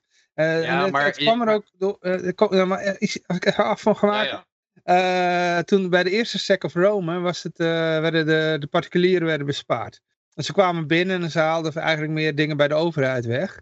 En bij de tweede sec of Rome was dat ook zo. Er werden ook nog tempels gereed. En ja, de christenen vonden het allemaal prima, joh. Al die tempel leeg, joh. Eh, dat kan zo'n rotzorg wezen. En, en op een gegeven moment eh, was er niks bij de overheid weg te halen. En toen gingen ze de burgers, eh, bij de burgers dingen weghalen. Ja, en toen hadden ze inderdaad wel het idee van, oké, nou is het een sec of Rome geweest. dus eh, ja. Ja, ik denk eh, dat je kan zeggen, mensen zagen het niet aankomen. Ja. Maar ik denk dat als je ziet dat de geboortecijfers omlaag gaan. Ik Mhm. geloof dat Rome in, in een in tientallen, aantal tientallen jaren van een miljoen mensen naar 20.000 inwoners Ja. Eh, dat, dat heb je, dan heb je het wel door ergens. Je hebt het door in de zin dat, je, dat, dat mensen geen nieuwe ondernemingen durven opzetten. Ja, en, eh, en geen... Maar de populatie was ook meer, inderdaad meer naar eh, andere steden verplaatst, omdat daar meer te beleven was. Zoals Ja, mensen gaan Athena en, eh, decentraliseren. Wel, omdat, omdat als je bij die centrale macht in de buurt zit, dan ben je de sjaak. Word je Ja. helemaal leeggemolken. Dus je gaat proberen zoveel mogelijk te verspreiden om Ja. onder die knoet uit te komen. En dan kan je zeggen, ja, ze hebben het niet door. Maar uit hun acties blijkt eigenlijk dat ze het wel doorhebben. Ondanks dat als je het ze zou vragen, dan zouden, ze, zouden ze waarschijnlijk zeggen, nee, er is niks aan de hand. Het komt allemaal wel weer goed. Eh, Maar ja, ik denk dat bij elk, bij elk empire denken ze waarschijnlijk aan het eind, het komt wel weer goed. Ik hoor veel Amerikanen hoor ik dat ook zeggen hoor. Van eh, ja, we hebben al eerder eh, onder die president was, eh, was er deze vreselijke wetgeving. En dat was allemaal veel erger nog. En. Lincoln deed dit. En, dus we komen er wel weer van terug. Ja. Maar ik denk dat je ervan terug kan komen zolang je, zolang je, je morele kapitaal er nog is eigenlijk. Zolang, ik denk dat die vorige keren dat de corruptie heel erg beperkt was tot, tot alleen Washington bijvoorbeeld. En, eh, en, de, en de regering. En nu is, is ook de hele opleiding. Is, als, je, als je ziet wat er uit die publieke scholen komt aan, aan kwaliteit van mensen, die kunnen gewoon geen, voor geen meter rekenen, geen taal. Ze kunnen alle basisvaardigheden die op een school zou moeten leren, kunnen ze niet. eh. En, en desalniettemin wordt de Chicago eh, Mayor's Office nou eigenlijk gewoon gerund door de, de Teachers Union, de vakbond van de onderwijzers. Die zijn zo machtig dat ze dat eh, helemaal in handen hebben gekregen. Eh, dus ze leveren de slechtste kwaliteit af in, in, eh, in de hele geschiedenis. En, en ze hebben de meeste macht. Dus ja, ik, ik, ik denk dat er wel een, een, een soort tegen, tegenkracht komt. Maar ik verwacht dat de tegenkracht die dan komt voornamelijk populistisch is. En, en zeg maar een beetje zoals in de jaren na de Weimarrepubliek ook gebeurde. Dat is van oké, we hebben nou een aantal zwakke leiders gehad. Nou, we hebben een sterke man nodig. En een sterke man die het recht gaat zetten. En die sterke man die veegt inderdaad wel al die, al die, ja, die, die morele, dat morele verval maakt hij misschien wel een einde aan. Maar, ik, maar uiteindelijk niet het morele verval van een sterke staat. En dan, en dan krijg, je, krijg je er bijvoorbeeld een enorme knettergrote overheid die oorlog gaat voeren voor terug. Zo. Oh. ja, dus dan heb je, heb je je muur. Maar ja. ja, er wordt, de samenleving wordt er niet meer beter van, denk ik. Ja, Omdat de diagnose, de diagnose weer verkeerd is eigenlijk. Ja, Rogier die heeft weer een hele lap tekst in de chat ge ja, gedumpt. Een wereldorde is alleen mogelijk als iedereen het wil. En zolang we nog mensen hebben die mensen onthoofden vanwege sprookjes zoals God alle afsneeuwwitje, komt het er nooit van. Niet in ons leven. Nou, ik denk inderdaad een wereldregering. Ja, er zijn, je hebt natuurlijk wel al gezien dat de macht uit Nederland helemaal verplaatst is naar Brussel. Dus als je kijkt naar een euro-regering, dan is dat eigenlijk al gelukt. Uh, ik denk dat, dat onze Ja, de VN heeft ook veel te veel uh, te zeggen, helaas. De VN heeft ook veel, veel macht. Dus het, dat uh, lijkt nou dat... WEF hebben we ook nog. WEF, inderdaad. Dat, dat ze toch wel aardig end op weg zijn. En ja, ik, als je het mensen ik, vraagt... Ik, ik vrees daar meer voor dan de mensen die in onzichtbare opperwezens geloven. Dus... Ja, als je daar mensen vraagt, dan zullen ze zeggen, nee, ik wil geen wereldregering, want dan maken die Chinezen en Indiërs de dienst uit of zo, want die zijn het meer. Maar in de praktijk stemt niemand tegen als, als de WHO uh, het eigenlijk voor het zeggen krijgt. Als de WHO een pandemie uitroept, dan, dan worden alle Nederlandse wetgeving overruled. Uh. Ja. Dus uh, ja, ik denk dat, mhm. dat mensen het niet willen. Het is altijd zo dat ze het niet willen het was natuurlijk bij de Eerste Wereldoorlog was het ook zo dat al die vorsten die schreven naar elkaar uh, berichten van uh, ja, dit moeten we niet willen wat, we nou, wat er nou gaat gebeuren, want uh, dit gaat helemaal mis zo. en die waren nog allemaal familie ook. en toch gebeurde het. Ja, staatsvijand die denkt dat de, de wiel nog niet geweest is, maar je mag er nog even bij komen hoor, Jan-Mark. Roger 4 zegt, ja, wij krijgen spuiten en zo, daar gaan ze mee winnen. Ja, ik, ik, ik weet niet of, dat, of ze nog een keer met die spuiten gaan komen. Ik heb, ja, ik heb toch wel het idee dat men een beetje wantrouwig is geworden tegen die, uh, die spuiten. Maar misschien is dat de bubbel waar ik in zit. Nee, de nieuwe spuit is natuurlijk het klimaat, hè? Ja, het klimaat, dat, uh, dat zal wel weer... Uh, een, dat, dat heeft nog wel weer kans om er doorheen te komen, ja. Ik denk dat ze over tien jaar weer met de spuit komen. Dat, net als met de Mexicaanse griep, weet je wel. Dan gaan ze het weer herhalen. Ja, ik denk inderdaad dat het een beetje weg moet ebben eerst, voordat uh, de volgende golf weer komt. Ja, dus, ja, en wat er natuurlijk ook gebeurt, dat is nou, ik zeg, burned alive. Explosion kills 18.000 cows in Texas. Dus daar explodeert een boerderij. 18.000 koeien levens verbrand. Dus het, en, en dat blijft ook maar doorgaan, die aanval op de voedselvoorziening. Dus ja, wat ze daarmee van plan zijn, of nou iedereen dood willen hongeren of zo. Ja, ja, ja, Mark zegt, we waren vroeg met het wiel inderdaad. we waren ook met z'n tweeën, dus we waren heel snel door de berichten heen. Als jij erbij was geweest, dan waren we nu nog bij bericht 3. maar je mag er nog bij komen hoor, uh, Jan Mark. maar ik ga wel, uh, ik, ja, ik moet vroeg naar mijn nest, dus even kijken, hoe laat is het? Mhm.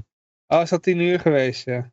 Dit is ook wel weer interessant, dat San Francisco City Hall uh, meeting on crime. Dus in San Francisco hebben ze een gemeente meeting over misdaad. En die moet afgezegd worden omdat vandalisten het internet hebben gesaboteerd of, of gesloopt hebben. Die, eh, die hebben ergens een of andere router uit de grond getrokken. en uh, was het internet uitgevallen. Dus ze zijn over criminaliteit aan het vergaderen in San Francisco. En tegelijkertijd ja, kunnen, kan het niet doorgaan omdat het internet eruit wordt gesloopt. De kabels worden gewoon onder hun kont weggetrokken voor het koper. Ja, het is toch ongelooflijk wat er allemaal gebeurt. Ah, je moet er voor applaudisseren natuurlijk, voor deze daad.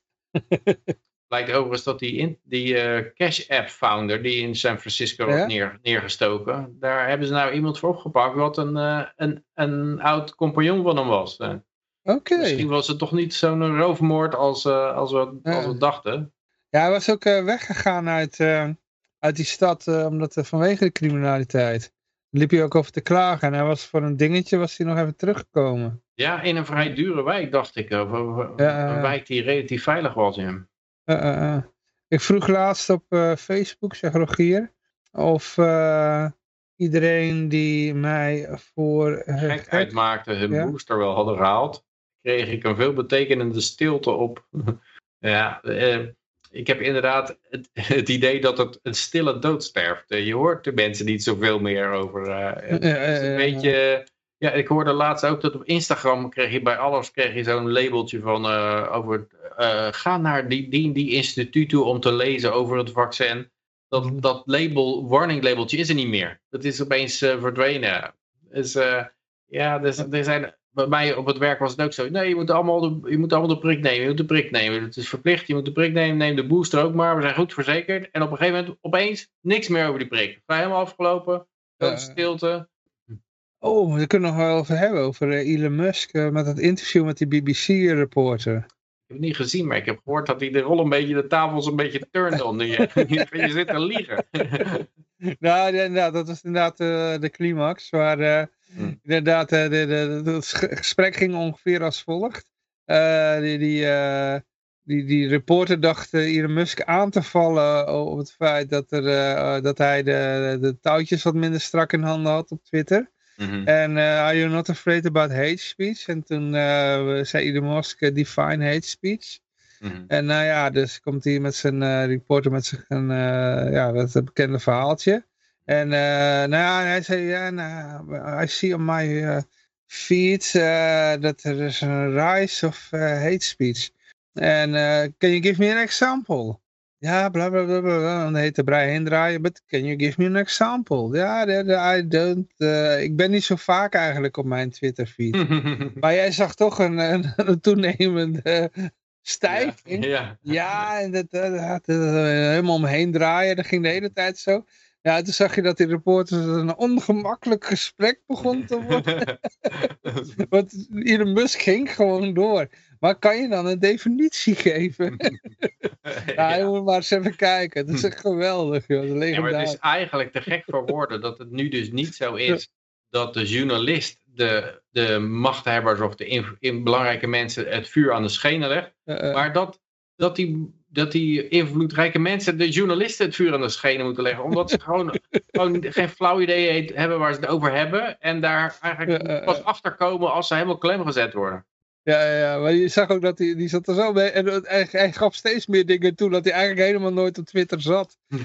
Terwijl hij aan het begin zei, ja, ik zag een, een stijging van hate speech. En aan het eind zegt hij, ja, maar ik zit eigenlijk bijna nooit op Twitter. en toen zei hij, ja, dus je liegt. ja, ja.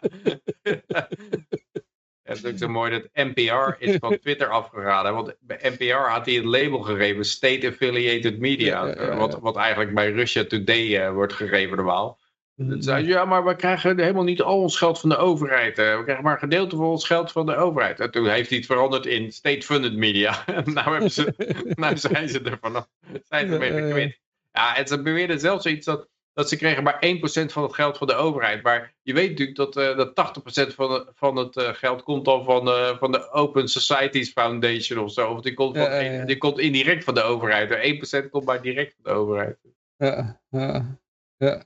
Maar mijn glas is bijna leeg. Dus, en het is al tien uur geweest. Dus, ja, ik ga er ook uh, vroeg mee ophouden. Ga naar een eindje aan draaien. Als er nog iemand in de chat zoiets heeft van... Nou, hier moeten jullie het nog even over hebben. Het nu. Ik drink nog even aan mijn glas. Zijn Bank van Fried die heeft een paar miljard teruggevonden, geloof ik. Hè? Oh, joh. Nou, 50 miljoen. Ja, dat, dat, dat lag ergens rond te slingeren. Was even vergeten. Such is life. Hij, keek even onder zijn matras of zo. Uh. Wanneer koopt Musk vrijheid radio? Ja. Roger Fitz wil het over seks hebben. Ja, ja, ja. Ja, we daar nou hebben. Ja, ja, ja, gewoon doen en niet over praten, gewoon doen. Ik heb gehoord dat mannen die weinig seksdrive hebben, dat die minder oud worden. Oké, nou, dus Rogier wil je oud worden? Dat is ook weer zo'n correlatieverhaal. Hè? dus mensen die op punt staan dood neer te vallen, die hebben geen seks. Die hebben geen zin in seks. Ja, ja, ja, ja. Ik had het kunnen bedenken. Maar je kan natuurlijk ook doodgaan aan een geslachtsziekte. Ja, dan maar dan heb je waarschijnlijk ook niet tot het einde toe zin. Voordat je doodgaat heb je waarschijnlijk geen zin je hebt geen zin in koffie, geen zin in alcohol, geen zin in uh, sigaretten. Dus duidelijk dat je doodgaat van het stoppen met roken, stoppen met koffie, uh, met suiker, met uh, vlees, met... ja. Maar goed, ik ga er een eindje aan brouwen. En ja, hartstikke idee. Ik wens in ieder geval iedereen een vrolijke en vooral heel erg vrije week toe. Uiteraard zijn we volgende week weer. hoogstwaarschijnlijk gewoon weer op donderdag.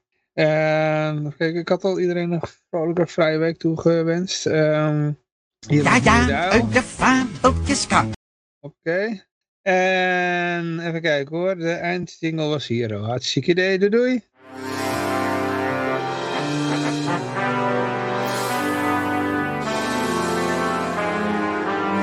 Greta erin voor je. Dank je erin. Oh ja. Oh. Eh, nou, voor mij is het nou wel op zijn eind, hè? Ja, oké. Ja, oké. Maar Ja, gaan idee. naar bed toe. hey, Ja, ja, ja. wel rust.